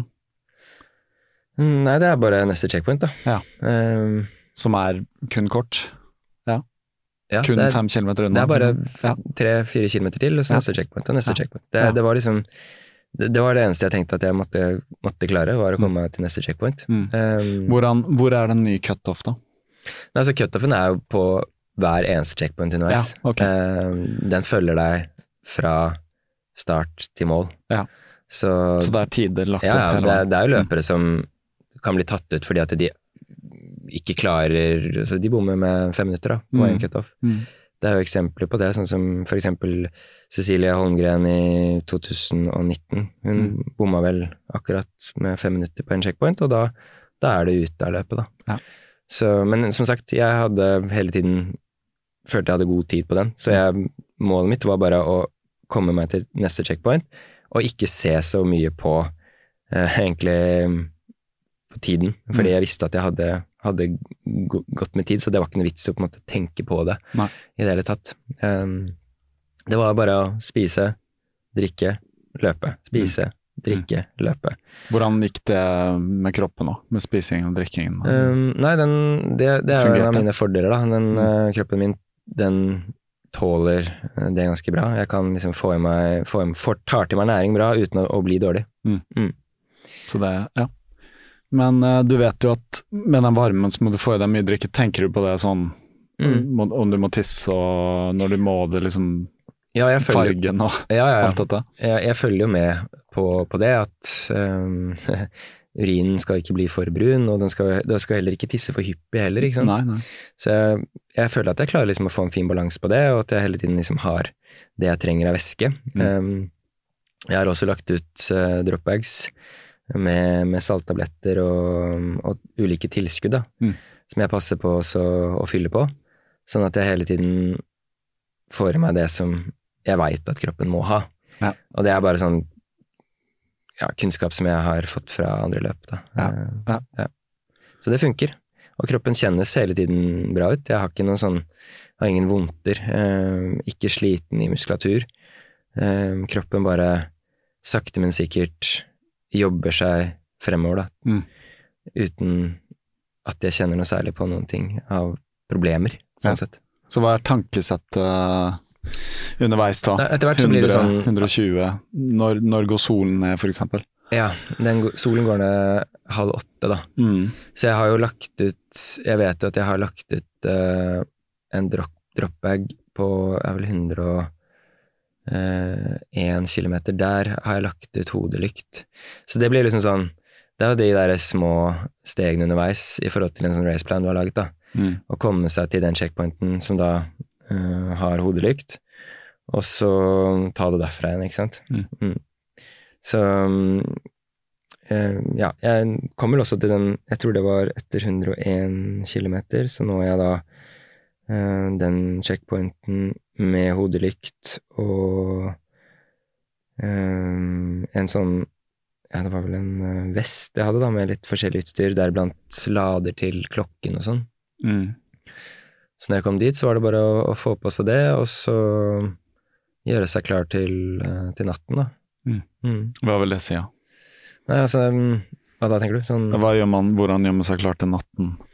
Eh, Med hodelykt, selvfølgelig, men uh, må, må du, hva annet må du passe på? eh, Bekledning, da. For det blir jo fort kaldt. Ja, Um, men det som var greia, var at um, når jeg kom til den um, Når jeg kom til checkpoint 101, så um, lot jeg være å ta med meg varmeklær, for jeg hadde også lagt ut flere dropbags med varmeklær. Mm. Så jeg tenkte at det var dumt å drasse med seg ekstra, da. Ja. Men det angra jeg jo litt på, fordi solen går jo fort ned. Mm. Så i halv åtte-tiden så begynte den å gå ned, og jeg, da, allerede da kjente jeg at eh, nå begynner det å bli litt kaldere. Så hva har temperaturen vært da i løpet av dagen? Da har den vært oppe på ja, 30 grader i hvert fall, på Mm. det varmeste. Mm. Og så faller den da fort, sånn at eh, ja, den var fort under 20 grader der, og så faller bare temperaturen desto lenger man kommer inn i natten. Da. Mm. Um, så da kjenner jeg at det begynner å bli kaldt, uh, og så vet jeg at ok, det er, det er vel 20 km til jeg er uh, uh, ja, til jeg er halvveis, mm. og der jeg vet at jeg har lagt ut mer varmeklær, da, og blant annet jakke og lue og sånne type ting. Mm. Um, så da Fordelen med det er at jeg vet at, at ok, jeg må bevege meg. Ja. Jeg må hele tiden løpe for å ikke bli for kald. Mm. Uh, og nå uh, nå fram til neste checkpoint, da. Ikke for seint, så at jeg får kledd på meg. Så når du ankommer dit, så er du, da går det bra, eller? Jeg Skal bare skru ned ovnen. Mm. Ja, jeg kommer vel uh, Nå husker jeg ikke helt når jeg er framme der, da. Men ehm, det jeg husker der, er at jeg er uh, begynner, å bli, begynner å bli sulten. Og der har jeg vel også lagt ut uh, en sånn der real turmat, da. Mhm. Så jeg driver og stresser rundt med å få fylt den posen med Kokt vann? Eller? kokt vann, og så er det sånn Det er ingen som Jeg prøver å kommunisere med en, en sånn funksjonær på engelsk, men han skjønner ikke helt hva jeg vil. Ok, for å få kokt vann? Ja, Ja. han skjønner ikke. Så, men heldigvis er det en annen eh, er, det en annen løper der som jeg mener husker snakker, snakker gresk, da, som liksom hjelper meg med det. Så jeg får, jeg får fylt på med vann der, og jeg får spist. Uh, og jeg får også tatt i meg noe um, ja, noen salttabletter og noe sånn derre um, mineral gainer, sånn uh, Mm. Væskeerstatning som jeg heller over i flaska og sånn. Og så får jeg vel slengt på meg noen varme klær. Og så er det bare å, å fortsette ut i natten, da. Mm. Og rundt oss hele tiden så er det jo, og det har det jo i og for seg vært siden vi starta i Aten, det har vært løsbikkjer Mm. overalt. Og noen er jo trivelige og kommer bort for å hilse, mens andre er veldig sinna. Mm. Så det er også en sånn der, et aspekt du begynner å høre utover natten, at det er, det er mye bjeffing hele tiden. Mm. Um, og det er også løshunder som du må rett og slett passe litt på. Det har jo vært fortellinger derfra med, med løpere som uh, har vært bitt av, Ja. av hunder. Ja, det er dramatisk, da. Ja, det er det. Var det noe litt frykt underveis da, eller på grunn av det, eller? Følte du at det var tett på, eller at det var litt sånn Ja, jeg følte at det var tett på av og til, og det er Ja. klart når du er liksom ute i ødemarken der, og du hører at uh, at det uler rundt Ja. deg, som det nesten høres ut som ulver nesten, så er det klart at det, det Man gjør seg opp noen tanker om det, liksom, men Mm. man er allikevel i en sånn derre Jeg merka etter hvert at jeg kommer såpass inn i en sånn modus, da, Mm. hvor liksom kroppen bare egentlig gjør, Mm. eh, og man begynner liksom bare å handle liksom nesten egentlig på litt sånn rent instinkt. Mm. Uh, så da, til slutt så ble det bare en sånn greie som uh, bare aksepterte. Altså, Mm. de var der, liksom. Og jeg måtte passe ekstra på, sånn at jeg ikke ble bitt. Eller at det, de kom for nære på. Men jeg var ikke noe redd, liksom. Nei. Nei. Andre løpere rundt deg, eller? Er du ganske det, alene, eller? det, periodevis er man veldig alene, da, Ja. i ødemarken. Um, For hvordan er veien da på natten? Hvordan, hvor er du du løper fortsatt bilvei? Ja, men du løper på sånne landeveier, da, Mm. i, i ødemarken. For at du er liksom Det, det begynner på liksom motorveiaktig, men du, du forlater jo Aten og byen og kommer mer på sånne Mm. landeveisaktig. Ja. Ja, det gjør det. Men det Ja. kommer en eller annen bil, eller hvordan er Ja, det? det, det kommer Ja. mye sånne det er, eh, du, du, det er jo biler fra Altså mm, sånne support Ja, um, ja. crew, da, som kjører um, Så du De kommer jo susende forbi fra tid til annen. Mm. Men så er det perioder hvor du også er helt alene, da. Mm. Og så kan du uh, skimte liksom hodelykter Mm. lenger framme. Um, så det er veldig fint også. Jeg opplevde jo det at det å skru av hodelykten og så se opp på, på stjernehimmelen, det var jo enormt vakkert. Ja, ja. Det er meget sjelden man er ute Og så løper jeg ganske godt på natta der. Eh, Jeg var liksom i sånn godt driv, og det var liksom eh, Jeg bare lot beina gå, eh, og de funka fint, så jeg tok igjen mye løpere. Mm. Jeg løp meg liksom stadig framover i feltet. Mm. Um, og da ser du jo mye sånne Ser mange skjebner der ute, da. Ja. Folk som, som sitter i veien, som driter og Ja. spyr samtidig. Eh, Ja. Du tar igjen løpere, Løpere, ja. som ser, og når de snur seg, så skvetter de nesten litt, og så ser du de sånne litt sånn forvridde og litt skremte ansikter, ikke sant, som bare Ok, der kommer det en, ja. Ja. Um, ja, så det Og så la jeg også merke til at det var liksom sånn eh, mye spy, da. Langs veien. Det ligger sånne flekker liksom med spy hvor du Ja. ser at folk har kasta opp. Det kommer liksom stadig. Ja. Så det er en sånn Det er en fjern greie, da. Ja. Mm. Det er en del som ikke tåler all den løpingen og spisingen. Ja, ikke sant. Det, var veldig tydelig, da. Ja. Mm. Oi. Så hva, men hva ellers er tankesettet? Er å komme seg Det er checkpoints, checkpoints, men begynner å tenke Det er Ja. første natten begynner å tenke på når kommer dagen, og er det Nei, altså, neste fokus. steg etter man er kommet halvveis, er jo, er jo fjellet, da. Ja, Eh, nettopp. Du har en sånn fjellpassering um, etter ca. 100 miles. 160 Ja. Ja, ja. 161 km. Mm. og den er jo ja, det er ulikt. Noen syns at den er tøff, eh, andre syns at den eh, ikke er så ille. Mm. Men det beror vel egentlig litt på om man er terrengløper eller sånn asfaltbanker, sånn som, som meg. Ja. Eh, så det var jo Og liksom du, eh, det kan skyte inn en kommentar. Når vi løp eh, 50 km, par og ja, 50 eller noe sånt, mm, så løp vi jo helt ut i Asker og snudde og greier, og så kom vi til Aker Brygge og så kjøpte noe potetgull og brus Mm. og sånn, og så løp vi, og så kom vi ut på Sørenga, så sier jeg sånn Ja, vi kan jo løpe opp på Ekeberg og sånn, og da er det sånn Nei, nei, du vil ikke, du vil ikke oppover bakke og sånn. Uh, så du, du, ja, det er noen ganger vi har løpt og jeg er sånn Nei, vi løper over Ekeberg, jeg elsker å løpe over Ekeberg og sånn. Det er bare to gleder er. Jeg, jeg liker jo jeg liker det veldig godt, jeg, men uh, du, har jo med, du har jo dratt meg over der. jeg har dratt. Men for meg så er det litt sånn Det, det er litt sprøtt, for jeg tenker på at du løper liksom fire ganger så mye som meg, og så Mm. Eller tre ganger så mye som meg, eller noe sånt, og så sånn skyr litt bakkene, da. Ja. Jeg bare, altså, ja, Ja, Um, det er rart. det er rart, det. Men du er jo ikke helt ukjent med det. Altså, Oslo Nei, nei, er jo ikke superflatt. Altså. Jeg har jo løpt bakker og Ja. Men jeg, jeg er ikke noe sånn jeg, Men du var ikke noe bekymra for de? For Nei, altså, og? Spartatlon har jo egentlig en del um, har jo egentlig en del stigning også. Sånn, det er jo ikke flatt fra, fra A til B. Uh, det er stigning underveis, og det er jo en del bakker du forserer. Mm. Men jeg tenker at altså, de bakkene for meg ble jo sånne ja, egentlig litt sånne gåpauser. da. Mm, Jeg kunne ta meg, ta meg tid til å, å gå, mm, så det gjorde meg ingenting. Men akkurat uh, Sangas er, uh, er jo et fjell uh, med ganske bratte skrenter og bare sånne smale geitestier. mhm. Så det, det var jo et parti som jeg visste at ok, det, det er gruer jeg meg litt til. ja. Det er utfordrende. Mm. Jeg hadde også lest om det i en del rapporter, da. Mm. At det var løpere som, som brøyt der. Ja. Um, ikke nødvendigvis for at det var så bratt og sånn, men uh, fordi at du har løpt 100 miles, da. Mm. Og så kommer det et parti med ulendt terreng, og så bruker man mye tid over fjellet. Mm. Så, det, så det var liksom Neste steg på veien da var liksom å komme seg helskinna over Sangas, da. Ja. Mm. Og når uh, ankommer du dit? Hva er klokka da? Um, oi, det er det, da. Ehm, jeg, jeg vet at jeg brukte eh, 20 og en halv time eh, på, først, altså på 100 miles. Ja. Så da er jeg vel, hvis løpet begynte åtte, så er jeg vel der sånn tre-halv fire Mhm, ish på natta. Det vil jeg tro. Ja. Tolv pluss åtte timer til. Ja. Um, og da fortsatt da, føler meg grei. Ehm, og jeg gjør bare checkpoint til checkpoint, eh, tar til meg næring, drikker og løper videre, da.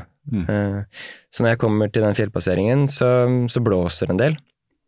Det, og da står det også Jeg mener å huske at det var politi som sto nederst. Det er også mulig det var, var en funksjonær, men de står sånn og anroper opp til toppen, da Mhm. hvilke løpere som skal passere. Ja. Eh, Sånn at de hele tiden vet hvilke løpere som eh, befinner seg i det området der. Mm. Så, for det har jo vært løpere som har forsvunnet der før, Ja. som har løpt feil, eller gått Ja, feil. Ja. For det er ikke veien like tydelig lenger. Eh, De har begynt å merke det mye bedre enn Ja. hva de gjorde tidligere. Men er det det- opplyst i det hele tatt, eller er det ja, det, er, det henger sånne ja. refleksbånd, og så er det noen sånne lamper og sånn som de har hengt opp, da, sånn at man ser, man ser løypa man skal eh, løpe, da. Ja. Eh, og så står det også noen funksjonærer på vei opp der og som peker i riktig retning Mm. der det går an å gå feil. Mm. Så jeg følte vel aldri at det var sånn, jeg var ikke, jeg var ikke redd for at jeg skulle gå meg vill, eller eh, løpe meg vill der, men det var mer det at det var steder hvor det var ekstremt bratt, Mm. eh, og det var liten klaring liksom til de bratteste skrentene. Mm. Det var nesten ikke noe klaring i det hele tatt, sånn som jeg opplevde det. Um, og sånne små rullestein som du sklir på. Og jeg løper jo i Ja.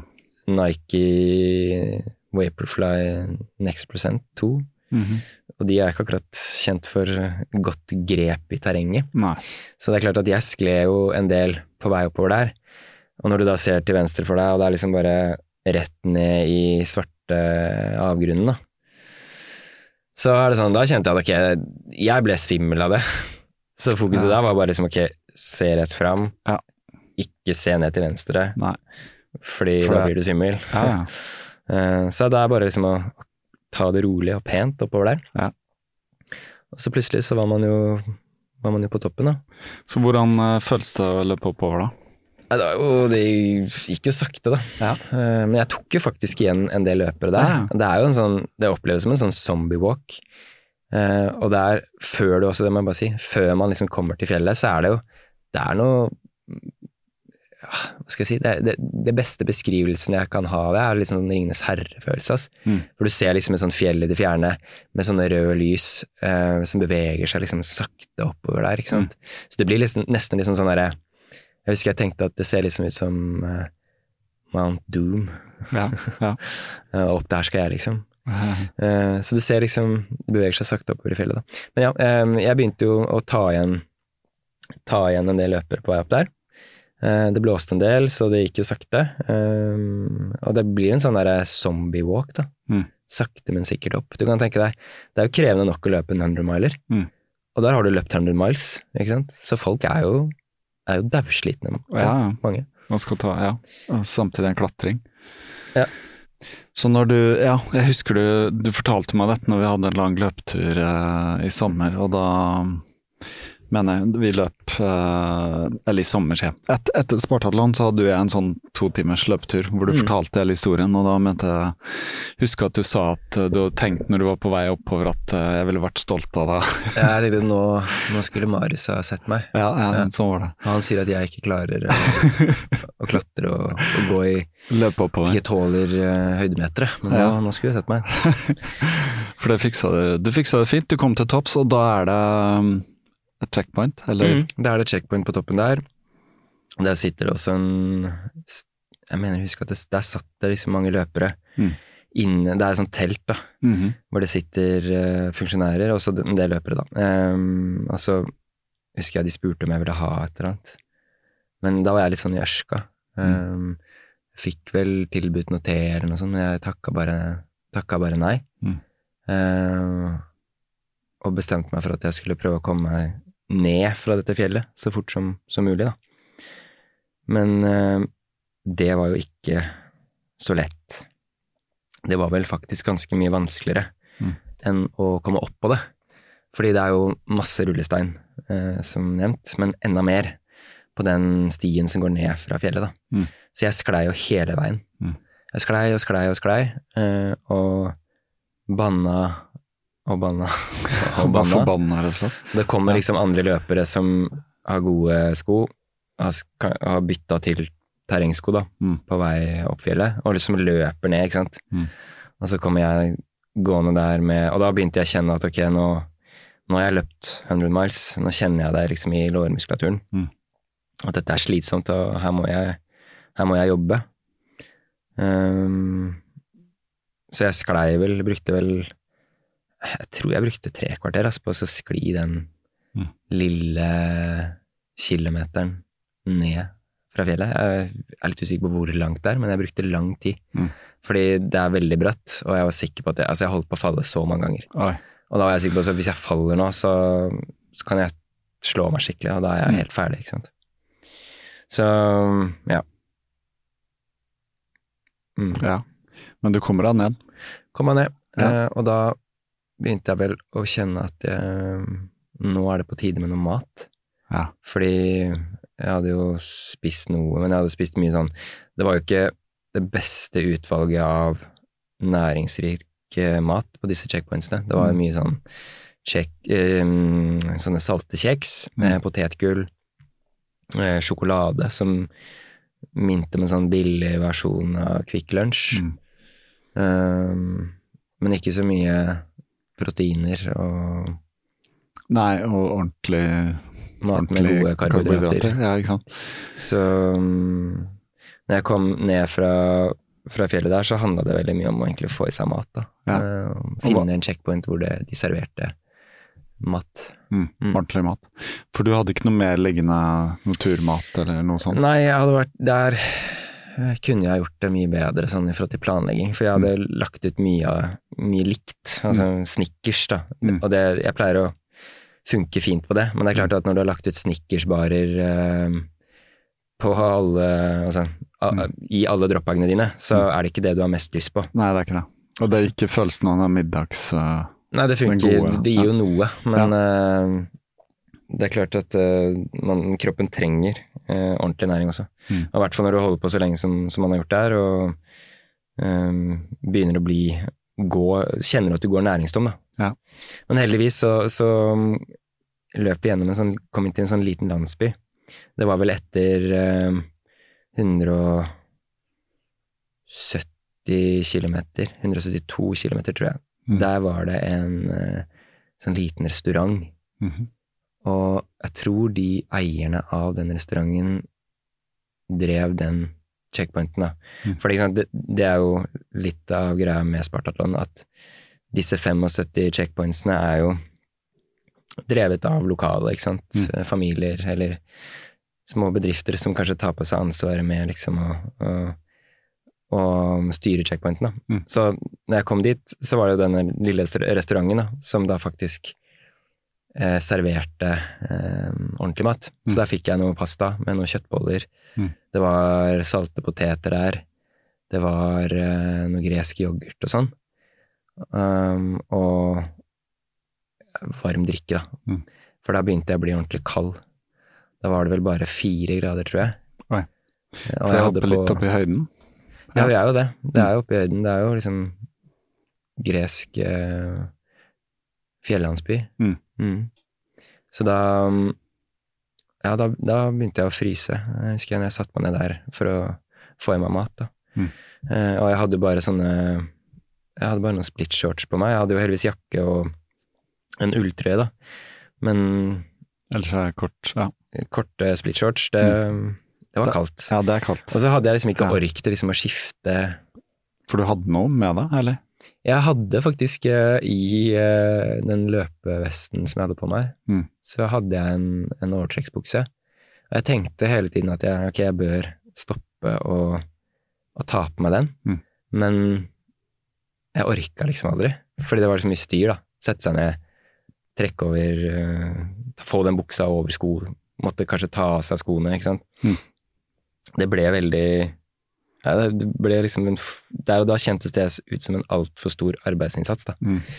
Så, så tenkte jeg at det er jo en fordel at jeg fryser, Mm. for da kan jeg bare holde det gående, liksom. Mm. Jeg må holde varmen ved å løpe. Mm. Og få i meg litt te og sånn, der de hadde det. Men du fikk i hvert fall i deg mat og, Ja, ja. og te. Jeg fikk i meg mat. Hvor, hvor mye tid bruker du på disse tingene? Uh, Nei, det, sånn, det varierer jo litt, da. Mm. Men akkurat på den checkpointen der brukte jeg vel en eh, Tja En ti minutter eller noe sånt. Um, Det er jo ikke lenge.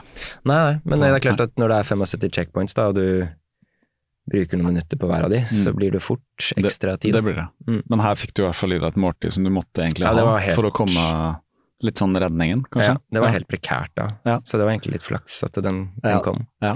For jeg tror ikke jeg hadde orka mer Snickers. Nei, nei, nei. nei.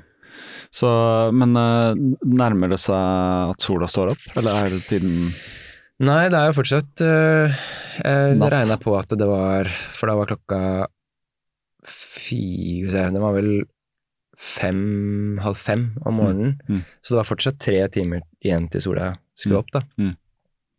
Og da husket jeg at jeg var litt sånn irritert på at det ikke var varmere. Og, Ja. og at jeg ikke hadde tatt på meg mer. Og, liksom sånn, og så tenkte jeg sånn, har jeg virkelig brukt én måned på liksom å sitte i den der dumme badstua for det her, liksom? Ja. Fire grader, jeg kunne jo Det er kjempekaldt. ja, kjempekaldt. Ja. Um, og det føltes evig lenge da, til den sola skulle opp. Mm. Men da var liksom, da hadde jeg, husker jeg tenkte at ok, nå har jeg, jeg har to valg her. Jeg kan stoppe og få på meg den buksa, eller jeg kan bare holde varmen ved å løpe. Da. Mm. Så da beit jeg meg fast i det siste alternativet, og sto ved det. Holdt varmen ved å løpe, og komme meg til checkpoints og få i meg, få i meg næring, da. Drikke, spise. Samme som jeg hadde gjort hele veien. Um, og få i meg varm drikke. Ja, det er bare helt prekært. Det er det. Så hva, hva er tankesettet ellers, da? Tenker du noe på slutten? At du at, uh, Nei. Hvor lenge det er igjen, eller hvor langt, eller hva er Mm. liksom målet? Ja, ehm, det jeg tenker litt på er sånn hvor langt jeg kommer etter 24 timers løping. Mm. Um, for det er en sånn målestokk da hvor jeg Mm. har løpt 24 timers løp før og tenker sånn, ok. Um, ja, så jeg tenker at um, jeg må se, eller huske å se på, på klokka etter 20 timer, hvor Mm. langt jeg har løpt. Da. Mm. Og da tror jeg den passerte vel sånn rett i underkant av 190 Mm. kilometer. Um, og da Hadde du det- satt deg et mål på forhånd? Hvor langt du skulle ha kommet ut? På 24? Mm, nei. Nei. Det var bare Jeg måtte bare klare å Altså ikke være ute og løpe etter 20 timer. Det, Ja, ja. Men eh, når det har gått 20 timer, så har jo sola stått opp. Men da er det en del fjell da, som gjør at uh, sola liksom aldri når meg. Eh, fordi den- fjellene skygger jo. Ja, det husker jeg du sa. Du ble er- ble også irritert på Ja, det var så kaldt, og denne sola liksom, ah, den treffer liksom aldri. ikke sant? Nei, nei. Og da hadde jeg en sånn skikkelig dipp uh, også, for da kom jeg inn i en sånn en landsby, jeg husker ikke helt hva den heter, men em, da husker jeg for første gang at jeg liksom, da så jeg liksom på en sånn derre checkpoint-plakat, da, hvor lenge det var igjen, altså hvor langt jeg hadde løpt, og, og hvor mange kilometer det var igjen. Uh, og jeg trodde jo at jeg hadde løpt lenger enn hva jeg faktisk hadde gjort, så ja, det sto at det var 61 km igjen Mm. til mål. Uh, og da jeg, jeg trodde jo det var at jeg bare hadde sånn 55. Altså det, er, det er jo liten forskjell, men Mm. for meg da så utgjorde det så stor forskjell. da. Mm. Fordi man begynner liksom å sammenligne med andre løp man har løpt før. Og så tenkte jeg sånn, ja, 60 km langt ultraløp, det er jo det er fryktelig langt. um, så husker jeg gikk inn på fant, det var, Der var det også noen toaletter for første gang. Det var lite med toaletter da, Mm. underveis, men da var det faktisk det. Så jeg gikk inn der, og så ble jeg sittende liksom sånn Og da falt jeg liksom litt sammen. Mm. Um, men så husker jeg at jeg tenkte Det var akkurat som eh, stemmen til Jeanette uh, dukka opp i bakhodet. Så sa den stemmen bare sånn Ok, kom igjen, Magnus. Opp og stå. Én fot foran den andre, liksom. Så jeg tenkte ok, det er bare å fortsette. Mm. Neste checkpoint. Og så husker jeg stavra ut av den, eh, den doen, da. Da møter jeg en ganske sånn forfjamsa japaner, da. Mm. Som ikke helt Så ikke ut som han visste helt hvor han var. Men han var med i løpet. ja, ja, han var med i løpet. Så ser han på meg, og så sier han 'Oh, you look strong'. Ja. okay. Jeg bare, «Åh, ja, det er liksom Shit, det så Ja. ikke sånn ut når jeg så, så meg i speilet. Men Nei, nei. takk for at du syns det. Ja. Eh, og det ga meg liksom en sånn liten boost, da. Mm. Så da tenkte jeg ok, nå er det bare å, å jobbe på videre. Jobbe på inn i, i dagen, fordi sola kom jo opp. Mm.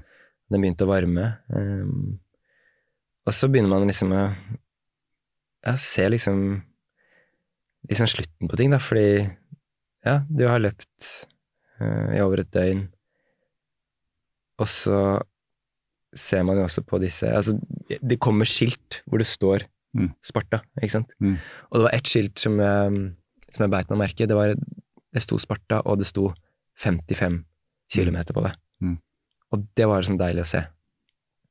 At 55 kilometer, eh, det skal jeg liksom klare. Mm.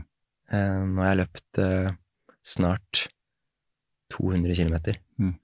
Skal jeg pokker meg klare de siste 55? Så da, da fikk du troen? Da begynte, jeg, da begynte jeg å tenke litt på det. Ja. Tenke på liksom hvordan det ville bli å komme inn til mål og, og sånne ting. For det hadde jeg ikke turt å tenke på i det hele tatt. Nei. Eh, altså jeg hadde tenkt på det sånn hjemme i Norge og på trening og sånn, men eh, ikke underveis i løpet. Det Mm. ble liksom for fjernt, og det tillot meg jeg ikke å gjøre, fordi Mm. Nei, det, det måtte bare være neste checkpoint hele tiden, liksom. Mm. Det kunne ikke være King Leonidas. Nei. Det måtte bare ikke være det. Jeg var redd for at ville ødelegge alt sammen. Ja. Men da begynte jeg liksom å tenke på det, og da da, da er det sånn, da, da blir følelsene veldig sånn overveldende perioder. Mm. Da kjente jeg veldig på det. Begynte nesten sånn å, å gråte. jeg løp og så bare tok liksom den derre enorme følelsen at herre min, hva er det jeg er med på, liksom. Ja. Det er litt sånn ut av deg sjæl. Men ja, det er veldig sånn Det er en spesiell følelse, ass. Mm. Mm. Men du skal jo fortsatt løpe, så du vet du må Mm. Men eh, alt går bra med Ja. kroppen? Begynner å bli Det, Litt sliten? så en ting er sånn, sånn, ja, når det var fem mil igjen, så tenker jeg at ok, fem mil, det løper jeg på trening på en vanlig søndag. Mm. Men det som jeg ikke visste, var jo at det kom en eh, Det kom en lørdag med veldig mye varme. Mm. Eh, veldig mye svart asfalt. Mm. Og en del høydemeter som jeg egentlig ikke hadde sett for meg at skulle komme. Mm. Eh, og mye nedover, da. Mye Mm. nedoverløping. Jeg husker Jeanette spurte meg sånn ehm, Er du god på å løpe nedover, liksom? Eh, takler du det bra når du er sliten på ultraløp? Mm. Og så skjønte jeg liksom ikke helt det spørsmålet. Man har jo sett høydeprofiler og diverse av løpet, men man kan liksom ikke skjønne helt hvor mye nedover det er de siste ja, tre milene av Spartatlon. Mm. Og før de tre milene kommer, så er det mye sånn oppover og klatring. Mm. Eh, og mye sånne små Så det var litt uventa. ja, Ja. sånne dalpartier hvor, eh, hvor det samler seg opp Det blir som en sånn liten badstue, liksom, i de der eh, Mm. dalpartiene, da. Og der, der er det jo heller ikke noe skygge. Veldig lite skygge. Um, og det ble fryktelig, fryktelig varmt, så jeg tror det var oppe i 35 Mm. Varmegrader. Um, yep. Det var én ting jeg glemte i forhold til, som, som jeg glemte å nevne i forhold til det fjellpartiet som vi snakket om også litt. Det der med den skytingen. ja, Det, Det stemmer. tenker Jeg, må, jeg må bare si sånn ja, det må du bare si. Det ja, fortalte fordi om det var vi veldig løp. spesielt. Ja. Um, og det kom jeg vel egentlig på litt sånn etter jeg var ferdig, fordi at crewet til Simen nevnte det. Mhm. Um, men det var at det var, var noe skyting på, på, på natta der. Uh, og det var rett etter Sangas, og da var det var på vei opp en sånn liten eh, En sti, jeg husker ikke helt. Men da begynte jeg å høre skudd, da. Mm. Som var liksom farlig nærme. Mm. Og så tenkte jeg sånn, eh, driver jeg og hallusinerer nå, liksom? Er det liksom skyting? Men jeg, hørte veldig sånn tydelige skudd, da. Så det jeg gjorde da, var at jeg, jeg skrudde av jeg skrudde av hodelykten. Mm. For jeg var redd for at det var en sånn gærning som sto og liksom skjøt på, Ja. på løperne som passerte. da. Det kunne ha vært. Ikke, ikke vet jeg. Altså, det var jo, det, klokken var jo fire av fem om natten, Mm. så det var veldig spesielt. Mm. Um, Kunne vært en full mann. Uh, ja, det kan det ha vært ja. det, liksom. Ja. Så jeg skrudde av hodelykten en periode, før, til jeg da ikke hørte, hørte de skuddene lenger. Mm. Det var vel en tre-fire partier med sånne skudd. Men du, fikk, fikk du høre noe om det etterpå? Var det noen andre som Nei, nevnte det var bare, det var bare crewet til Simen som Ja. nevnte det. De også hadde hørt det. Og Simen nevnte vel noe om det, han også. Ja. Men Så det var ikke en hallusinasjon? nei, det var det jeg trodde kanskje at det var, da. Ja, ja. Men det var ikke det. Nei da. Ok, men uh, slutten, uh, så er det nedover, og så er det varmt. Uh, Ja. men, da, men da har du vel fokus på Nå må jeg bare komme meg Har jeg kommet så langt, så må jeg bare komme meg Ja. herfra. Men det som skjer da, det er vel Jeg tror det er ca. tre mil igjen. Mm. Da er det så varmt, og jeg har Jeg forsøker jo liksom å ise ned, da, for er, alle disse checkpointsene har De har mye is um, som du kan putte i Jeg, jeg bruker da den uh, løpecapsen min. Mhm. Putter is i hatten. Uh, legger i um, Jeg har sånne arm sleeves som jeg også putter is oppi. Mm. Men det hjelper liksom ikke. Nei. Det bare koker og koker og koker. Eh, og da kjenner jeg plutselig at det begynner å Det begynner å kile liksom i nesa. Mm. En sånn merkelig følelse jeg aldri har kjent eh, noen gang. Mm. Eh, og den begynner først i nesa, og så begynner det liksom å kile liksom oppover i hodet. da. Og så tenker jeg herre min, hva er, det, som skjer nå? Um, og så er jeg redd for at det bare skal svartne helt. Mm. For jeg kjenner at jeg får en sånn angstfølelse av det. At nå bare Mm. Nå svartner jeg. Mm. Nå besvimer jeg. Eh, og så dør jeg sikkert. Mm. Ja, og det er så idiotisk, dette her.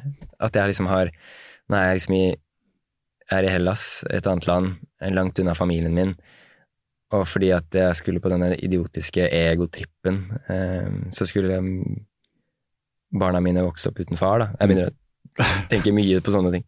Og ja, jeg er kjemperedd for at, eh, at jeg skal dø, da. Mm. Det høres helt teit ut der og da, men det bare kjennes sånn ut. Ja. Og så tenker jeg sånn, ok, jeg må bare komme i sånn samme mantra som fra start. Altså at jeg må komme meg til neste checkpoint. Mm.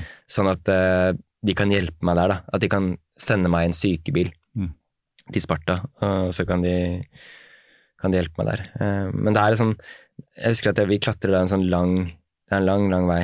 Og det kommer sånn tungtrafikk hele tiden, ikke sant. Mm. Og alle sammen tuter, for de skal jo heie på deg. Mm. Og da, prøver, da får jeg sånn der Jeg føler som at jeg må vinke til de, da. Ikke sant. Fordi uh, jeg må jo være høflig. Men samtidig så er jeg i ferd med å besvime, da. Ja. Oppover der. Ja. Uh, og så har jeg liksom jeg har en sånn drikkeflaske eh, som min sønn Mario han har klistra en del sånn klistrelapper på. da. Mm. Så jeg ser liksom at navnet hans står der. Eh, og det betyr enormt mye for meg, da, at, at jeg ser liksom hans navn. Det blir liksom noe, noe nært. Mm. Det er noe han har gjort med drikkeflasken min, Mm. som gjør at jeg føler liksom et nærvær til han. Mm. Og det gir meg en sånn enorm styrke akkurat der og da. Mhm. Så jeg begynner å synge en sånn barnesang Mm. som jeg har sunget for Mario når han skal sove, ikke sant? Mm. Jeg synger den for meg selv, eh, og begynner også da eh, å vitse og bare tøyse og prøve liksom å um, holde meg våken liksom ved å, å Mm. holde på med det her, da. Mm.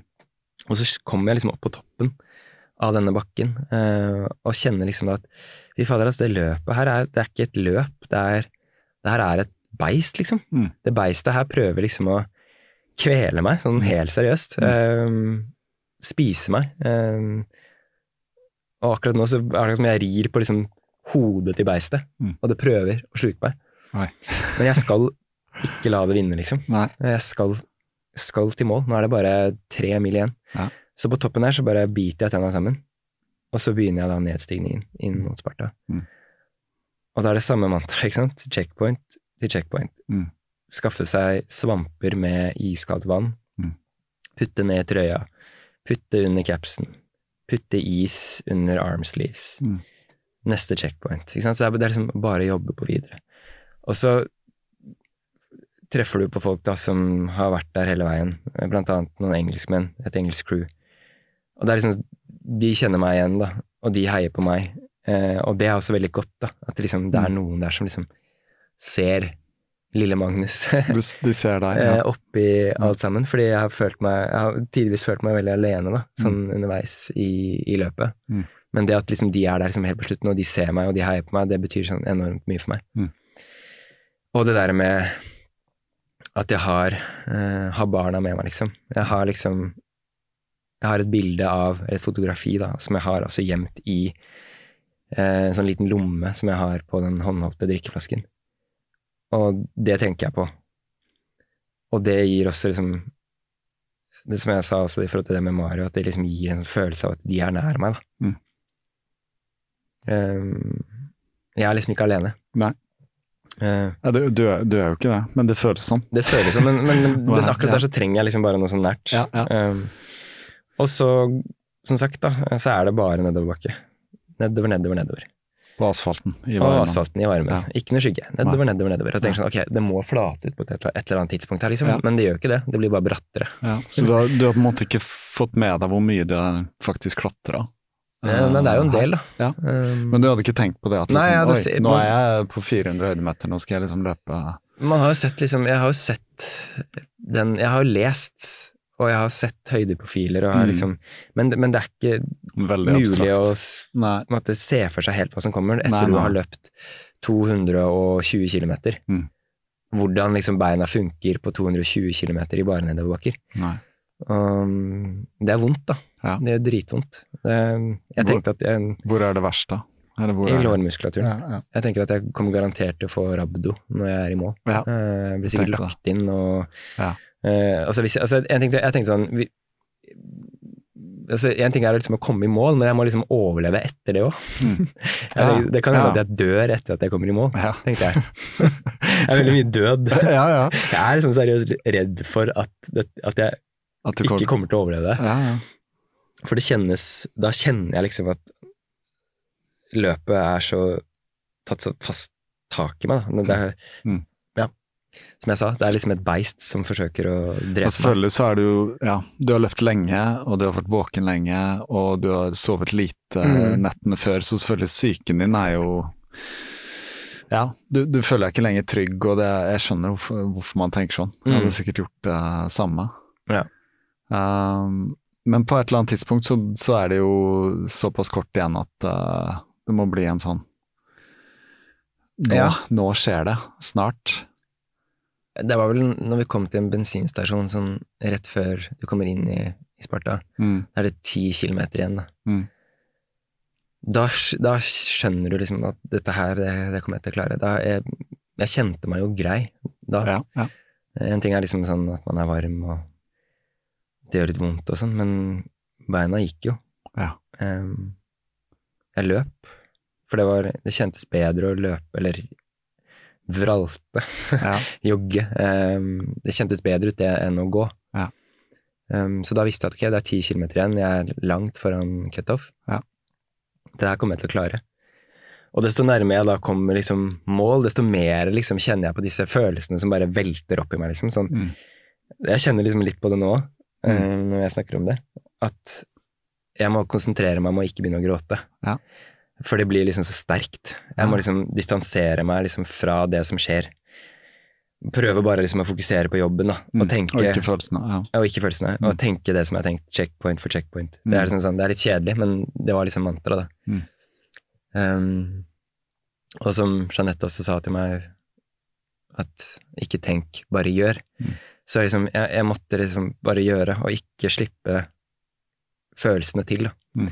For jeg var jo så redd for at, liksom, at jeg skulle sette meg ned i veikanten min og grine, ikke sant, eller et eller annet sånt, at et, eller annet rart skulle skje. Eh, Jeg var liksom ikke i mål, for jeg var i mål. Nei, nei. Man er jo ikke det. Og så ser du liksom Du kommer liksom inn mot Sparta, og så er det en sånn derre Det henger det sånn banner da, sånn over en sånn bro. Mm. Da tror jeg det er fire kilometer igjen, og så står det sånn uh, Sparta welcomes you, Mm. ikke sant. Sparta eller, Welcome Sparta Leeds', eller et eller annet Mm. sånt. Ja, ja. Og det var sånn, shit. Nå nærmer man seg, liksom. Mm. Og det kommer mer til biler, og alle liksom alle vinker, blinker med lys, ikke sant. Mm. Tuter. Eh, roper 'bravo, bravo'. Mm. Eh, og alle klapper, alle, alle du passerer, ikke sant. Eh, og så kommer du til checkpoint 74. Det er vel ca. tre kilometer, tror jeg, Mm. Før mål. Det er liksom Siste. siste checkpoint. da. Mm. Og der har folk, eller de fleste, lagt ut flaggene sine. Ja. For det er jo litt av greia, da. Mm. Å løpe siste bit inn mot mål, svøpt i flagget til sin nasjon, ikke sant. Mm. Det er stort. Mm. Um, men da har jeg selvfølgelig Jeg har jo lagt mitt flagg. For jeg har surra mye rundt på, på, der, på Når vi leverte inn dropbacks, da. Mm. Så jeg har lagt inn mitt flagg på checkpoint 75. Aha. Men jeg håper liksom allikevel da, at de kanskje har At de har tilgang på flagget allikevel. At Ja. de har liksom skjønt det. At ok, her er det en dust som ikke har klart å pakke dropbagene sine riktig. Ja. Så jeg spør allikevel etter flagget. Mm. Og der var det noen funksjonærer som liksom, de lette gjennom. Altså. De prøvde virkelig å finne det flagget, og de Nei. fort, men de fant det ikke. Nei. Og så kommer det en, en annen funksjonær bort til meg som prøver å gi meg veibeskrivelse. Mhm. Som sier sånn at du må løpe sånn og sånn og sånn og sånn. Um, men jeg får ikke med meg noe av det han sier, Nei. fordi jeg er bare helt sånn Hvor er jeg nå, liksom? det, det er sånn, du er i sånn limbo-følelse. Så er liksom sånn, en sånn blanding av drøm og virkelighet, liksom. Ja. Det er en sånn Du har visualisert og tenkt på akkurat det øyeblikket der, da, hvor du Du skal ikle deg et flagg, men så er ikke flagget der, og så du, du ser slutten på liksom alt du har fokusert og trent på og i, i to år, da. Mm. Og så er det en fyr som prøver å forklare deg veien de siste tre kilometerne. Ja. Og jeg skjønner ingenting av hva han sier. Men heldigvis så Så jeg bare beveger meg ut i veien, ikke sant. Bare ok, nå vet jeg ikke om hvor jeg ender opp. Eh, Og jeg, jeg visste også, fordi hun Cecilie Holmgren, når hun løp der i 2018, så løp hun litt feil, faktisk. Det er sånn. Og det er, ja, og det er løpere som, andre løpere som også har gjort det. Ja, ja. surra rundt i Sparta før de liksom har funnet det. For da er du inne i en bygate Mm, da er du liksom inne i Sparta by, ja. da. Men det som skjer da, er at det kommer tre gutter Mm. på sykkel. Mm. Og de sykler rundt meg, liksom. I en sånn formasjon, da. Uh, en på hver side og en foran. Og så sier han en sånn Ok, uh, we will show you the way. Mm. Uh, og det er bare en sånn helt enorm lettelse at de Ja, kom. Og bare ja. fordi det er sånn Jeg var så sliten der, liksom. Mm. Eh, og det var så mye følelser i meg, og det var så mange ting på en gang, at jeg var sånn Det var så deilig at bare noen tok over kontrollen på Jeg, jeg har liksom prøvd å, å konsentrere meg om å finne veien Mm. i 240 km pluss, da. Mm. Og endelig var det liksom noen som kom inn og tok over for meg. Endelig hadde jeg support. Endelig Mm. var det noen som viste meg vei, og som på en måte bare kunne gjøre siste rest for meg. Mm. Fordi liksom jeg, jeg var helt ferdig da. Og så husker jeg vi passerte liksom en sånn fyr, han, jeg tror han var fra Israel eller noe sånt. Eh, Det er ikke så viktig det, men han, han var helt gåen, liksom. Mm. Han, han bare, det så ut som han, han klarte så vidt å gå da. Oi. Og så lurte jeg liksom på, kan jeg egentlig passere han? Er det noe sånn køsystem her? For når vi skal inn til Sparta, ikke sant? Er det liksom sånn, har jeg lov til å løpe forbi han? Ja. Men vi bare fortsatte forbi han. da. Eh, og da ser jeg liksom oppover på um, balkongene der, um, så står det Det står folk da, og vinker og, og roper, ikke sant. Det sitter folk på gatekafeer, og alle Mm. klapper.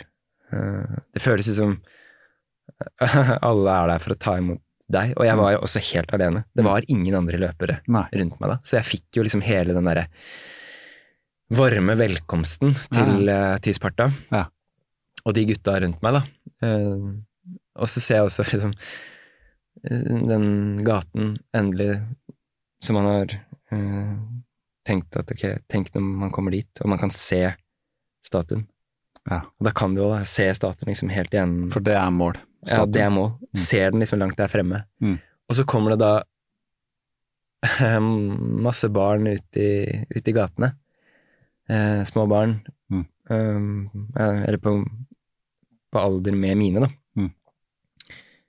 Og da, helt mot slutten, så er det en sånn liten gutt på sånn to år Mm. som løper på min høyre side. Og da kjenner jeg liksom ok, nå klarer jeg liksom ikke å holde det. Nå klarer jeg liksom ikke å holde det mer. Nei. Fordi nå er det, nå er det for mye følelser her, liksom. Ja. Eh, men da ser jeg jo Eyolf, ikke sant. Ja. Han har jo brutt. Han brøyt etter seks mil. Ja.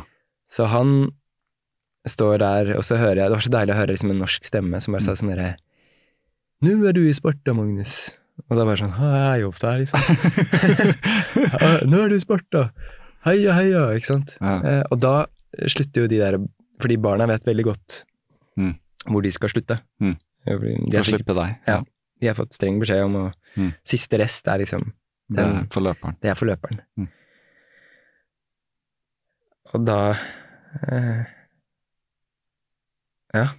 Jeg kjenner, jeg kjenner liksom jeg blir veldig emosjonell nå. Men da, da er det siste liksom 30, fyr- 30 meterne, da, og da kommer jo Simen plutselig òg, ikke sant? Og filmer og, og filmer, liksom. Ja, det altså, jeg, sett. jeg, jeg, jeg enser jo han, men det, det blir sånn, sånn, det blir så mye, da. Og da filmer han, og så ser jeg da bare eh, statuen, og da er bena mine helt Altså sånn, de er så plutselig kjempelette igjen, da. Mm. Så jeg husker bare liksom jeg spretter opp den trappen, liksom. Mm. Opp på det podiet, eller den, det platået hvor statuen Mm. står. Uh, og det er blå himmel, og det er, det er noe musikk der liksom som bare gjør den settingen så episk, da, ikke sant? Mm. Uh, og jeg vet liksom Jeg stopper liksom litt opp ved statuen, fordi jeg vet ikke helt om jeg får lov til å gå bort til den, ikke sant? Eh, og det er bare så enormt å stå der og se på det målet du har drømt om i så lenge, da. Siden du bestemte deg. Det er liksom den hellige gral, liksom. Mm, ja, ja. Ultraløpens Hellige gral. Ja. Så, Og da står borgermesteren i Sparta, han sier liksom Han ønsker meg velkommen, ikke sant? Og så sier han liksom ja, vær så god. Mm. Eh, kom bort, liksom. Så jeg klatrer opp på den sokkelen til eh, King Leonidas, og så legger jeg da Ja, for jeg glemte jo flagget, da, ikke sant. Så jeg har jo ikke det med meg. Så jeg, jeg har, jeg har det fotografiet av barna mine. Mm. Det er liksom det jeg har. Mm. Så jeg legger det på foten til, til Leonidas, og så kysser jeg foto av de, da. Mm. Eh, og det er bare sånn åh, Det er bare en sånn Ja, det er bare helt fantastisk eh, følelse. Lettelsen Ja, det er bare alt, liksom. Det er bare sånn åh, endelig, liksom, Ja. er jeg her. Ja. Og så Ja, jeg forteller, eller ønsker han borgermesteren, han gratulerer meg mye og sier at uh, de er veldig glade for å, for å ha meg her. og um, Gratulerer meg mye med prestasjon, og det kommer Jeg får laurbærkrans på hodet og Mm. uh, deltakermedalje i en sånn fin uh, boks. og det er eh, fotografer overalt som skal ta bilder. Eh, og Simen, da, selvfølgelig, som flyr rundt med sosiale medier. og Mm. Eh, Det er veldig mye som skjer på en gang. Det er, det er, det er også droner som flyr og filmer. Eh, jeg ser folk og ja. folk som står og klapper. Jeg ser ut liksom på Sparta og kjenner bare på en sånn derre enorm lettelse, da. Mm. Og en sånn, At du har klart det. ja, en sånn stolthet også. Ja, ja. Mm. At det gikk, liksom. Ja. At et sånt er ikke det, ja, det er, noe, det er noe med det. Jeg har ikke opplevd akkurat det, men jeg kan levende forestille meg det. At Ja. liksom, alt samles da til slutt i et punkt. akkumulere liksom i Ja. det øyeblikket, da. Ja. Og det er liksom sånn, du har lyst til å gråte og le og Du har lyst til alt på en gang. Mm. Um, og så er det kommer det en sånn sykepleier bort etter de har tatt bilder og, og sånne ting, da. Og som hjelper meg ned. Det er jo en trapp, og den er, da kjenner jeg at oi, her var det vanskelig å gå ned. Ja. Det er veldig godt at hun, stille at hun ja. støtter, og Simen følger selvfølgelig etter Ja. og filmer. Um, så jeg kom inn i sånn Det er en sånn sykestueaktig greie Mm. uh, hvor uh, jeg ble satt ned i en stol, og de tar av meg skoene, de smører inn uh, beina mine med en eller annen sånn salve. Mm. De hjelper meg liksom med alt jeg trenger. Mm. Og så stiller Simen noen spørsmål. Eh, jeg hører ikke hva han sier, jeg bare hører liksom at han prøver å kommunisere, da. Jeg har jo Ja. sett den filmen etterpå, han spør vel Ja, han sier den klassiske 'Hva føler du nå?' Ja. Og jeg bare Hvis jeg åpner kjeften og snakker nå, så kommer jeg bare til å sitte og grine, liksom. Så du sier Fordi jeg har hatt lyst til å grine i Ja. to timer nå. Så jeg har bare lyst til å grine. Um, og da, han har jo noen og tusen følgere på, på Instagram, så jeg tenker sånn det er jo, Sitter jeg i en stol og bare griner, liksom? Jeg så jeg, jeg, tenker, jeg, jeg, må, jeg bare holde kjeft Ja. og ikke si noe. Uh, og så kommer det da en lege bort og som skal sjekke meg. Hun vil se på tungen min for å sjekke om jeg er dehydrert. Mm. Uh, stiller noen spørsmål for å se om jeg på en måte er ved mine fulle fem. Mm.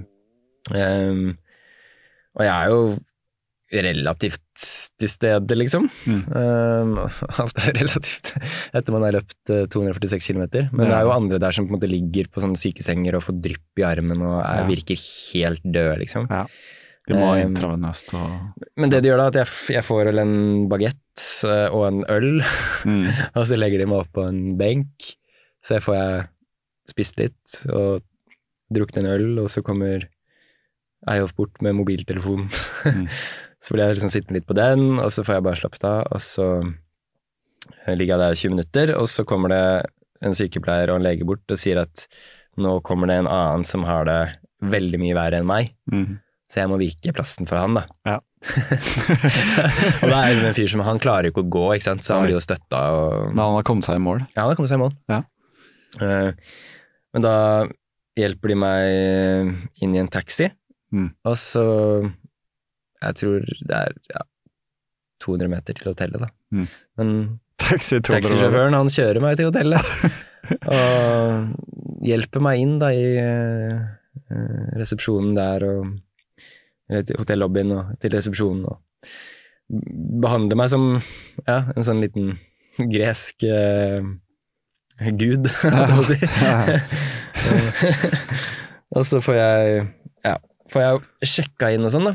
Um, jeg kommer opp på hotellrommet og sånn, uh, men, men der har jeg jo jeg selvfølgelig glemt uh, dropbagen med klær og sånn. Ja.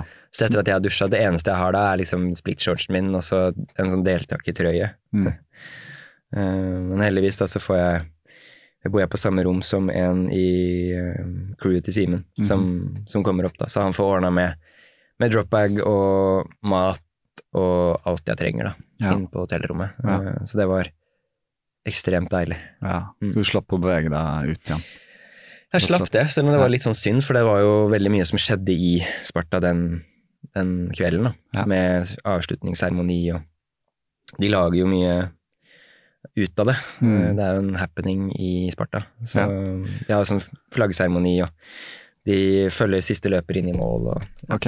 Ja. Ja, for det, hva er cutoffen i mål, da? 36 timer, da. Og du kom inn på 33, 33. Wow. Nesten 33, 33, 33. Ja. wow.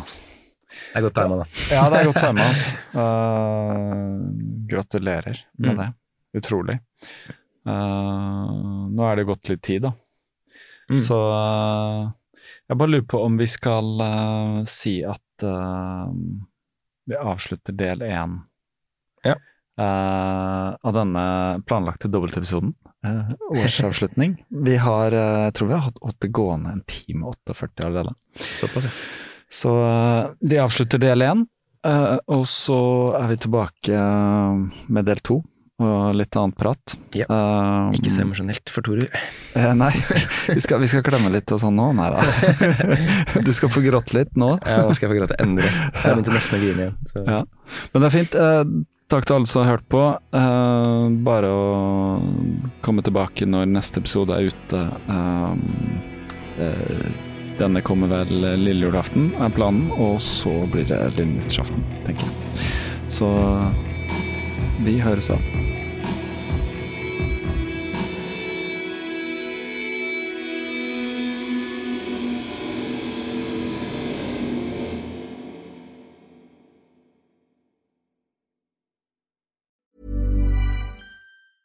Hey, it's Paige DeSorbo from Giggly Squad. High quality fashion without the price tag. Say hello to Quince. I'm snagging high-end essentials like cozy cashmere sweaters, sleek leather jackets, fine jewelry, and so much more. With Quince being 50 to 80% less than similar brands.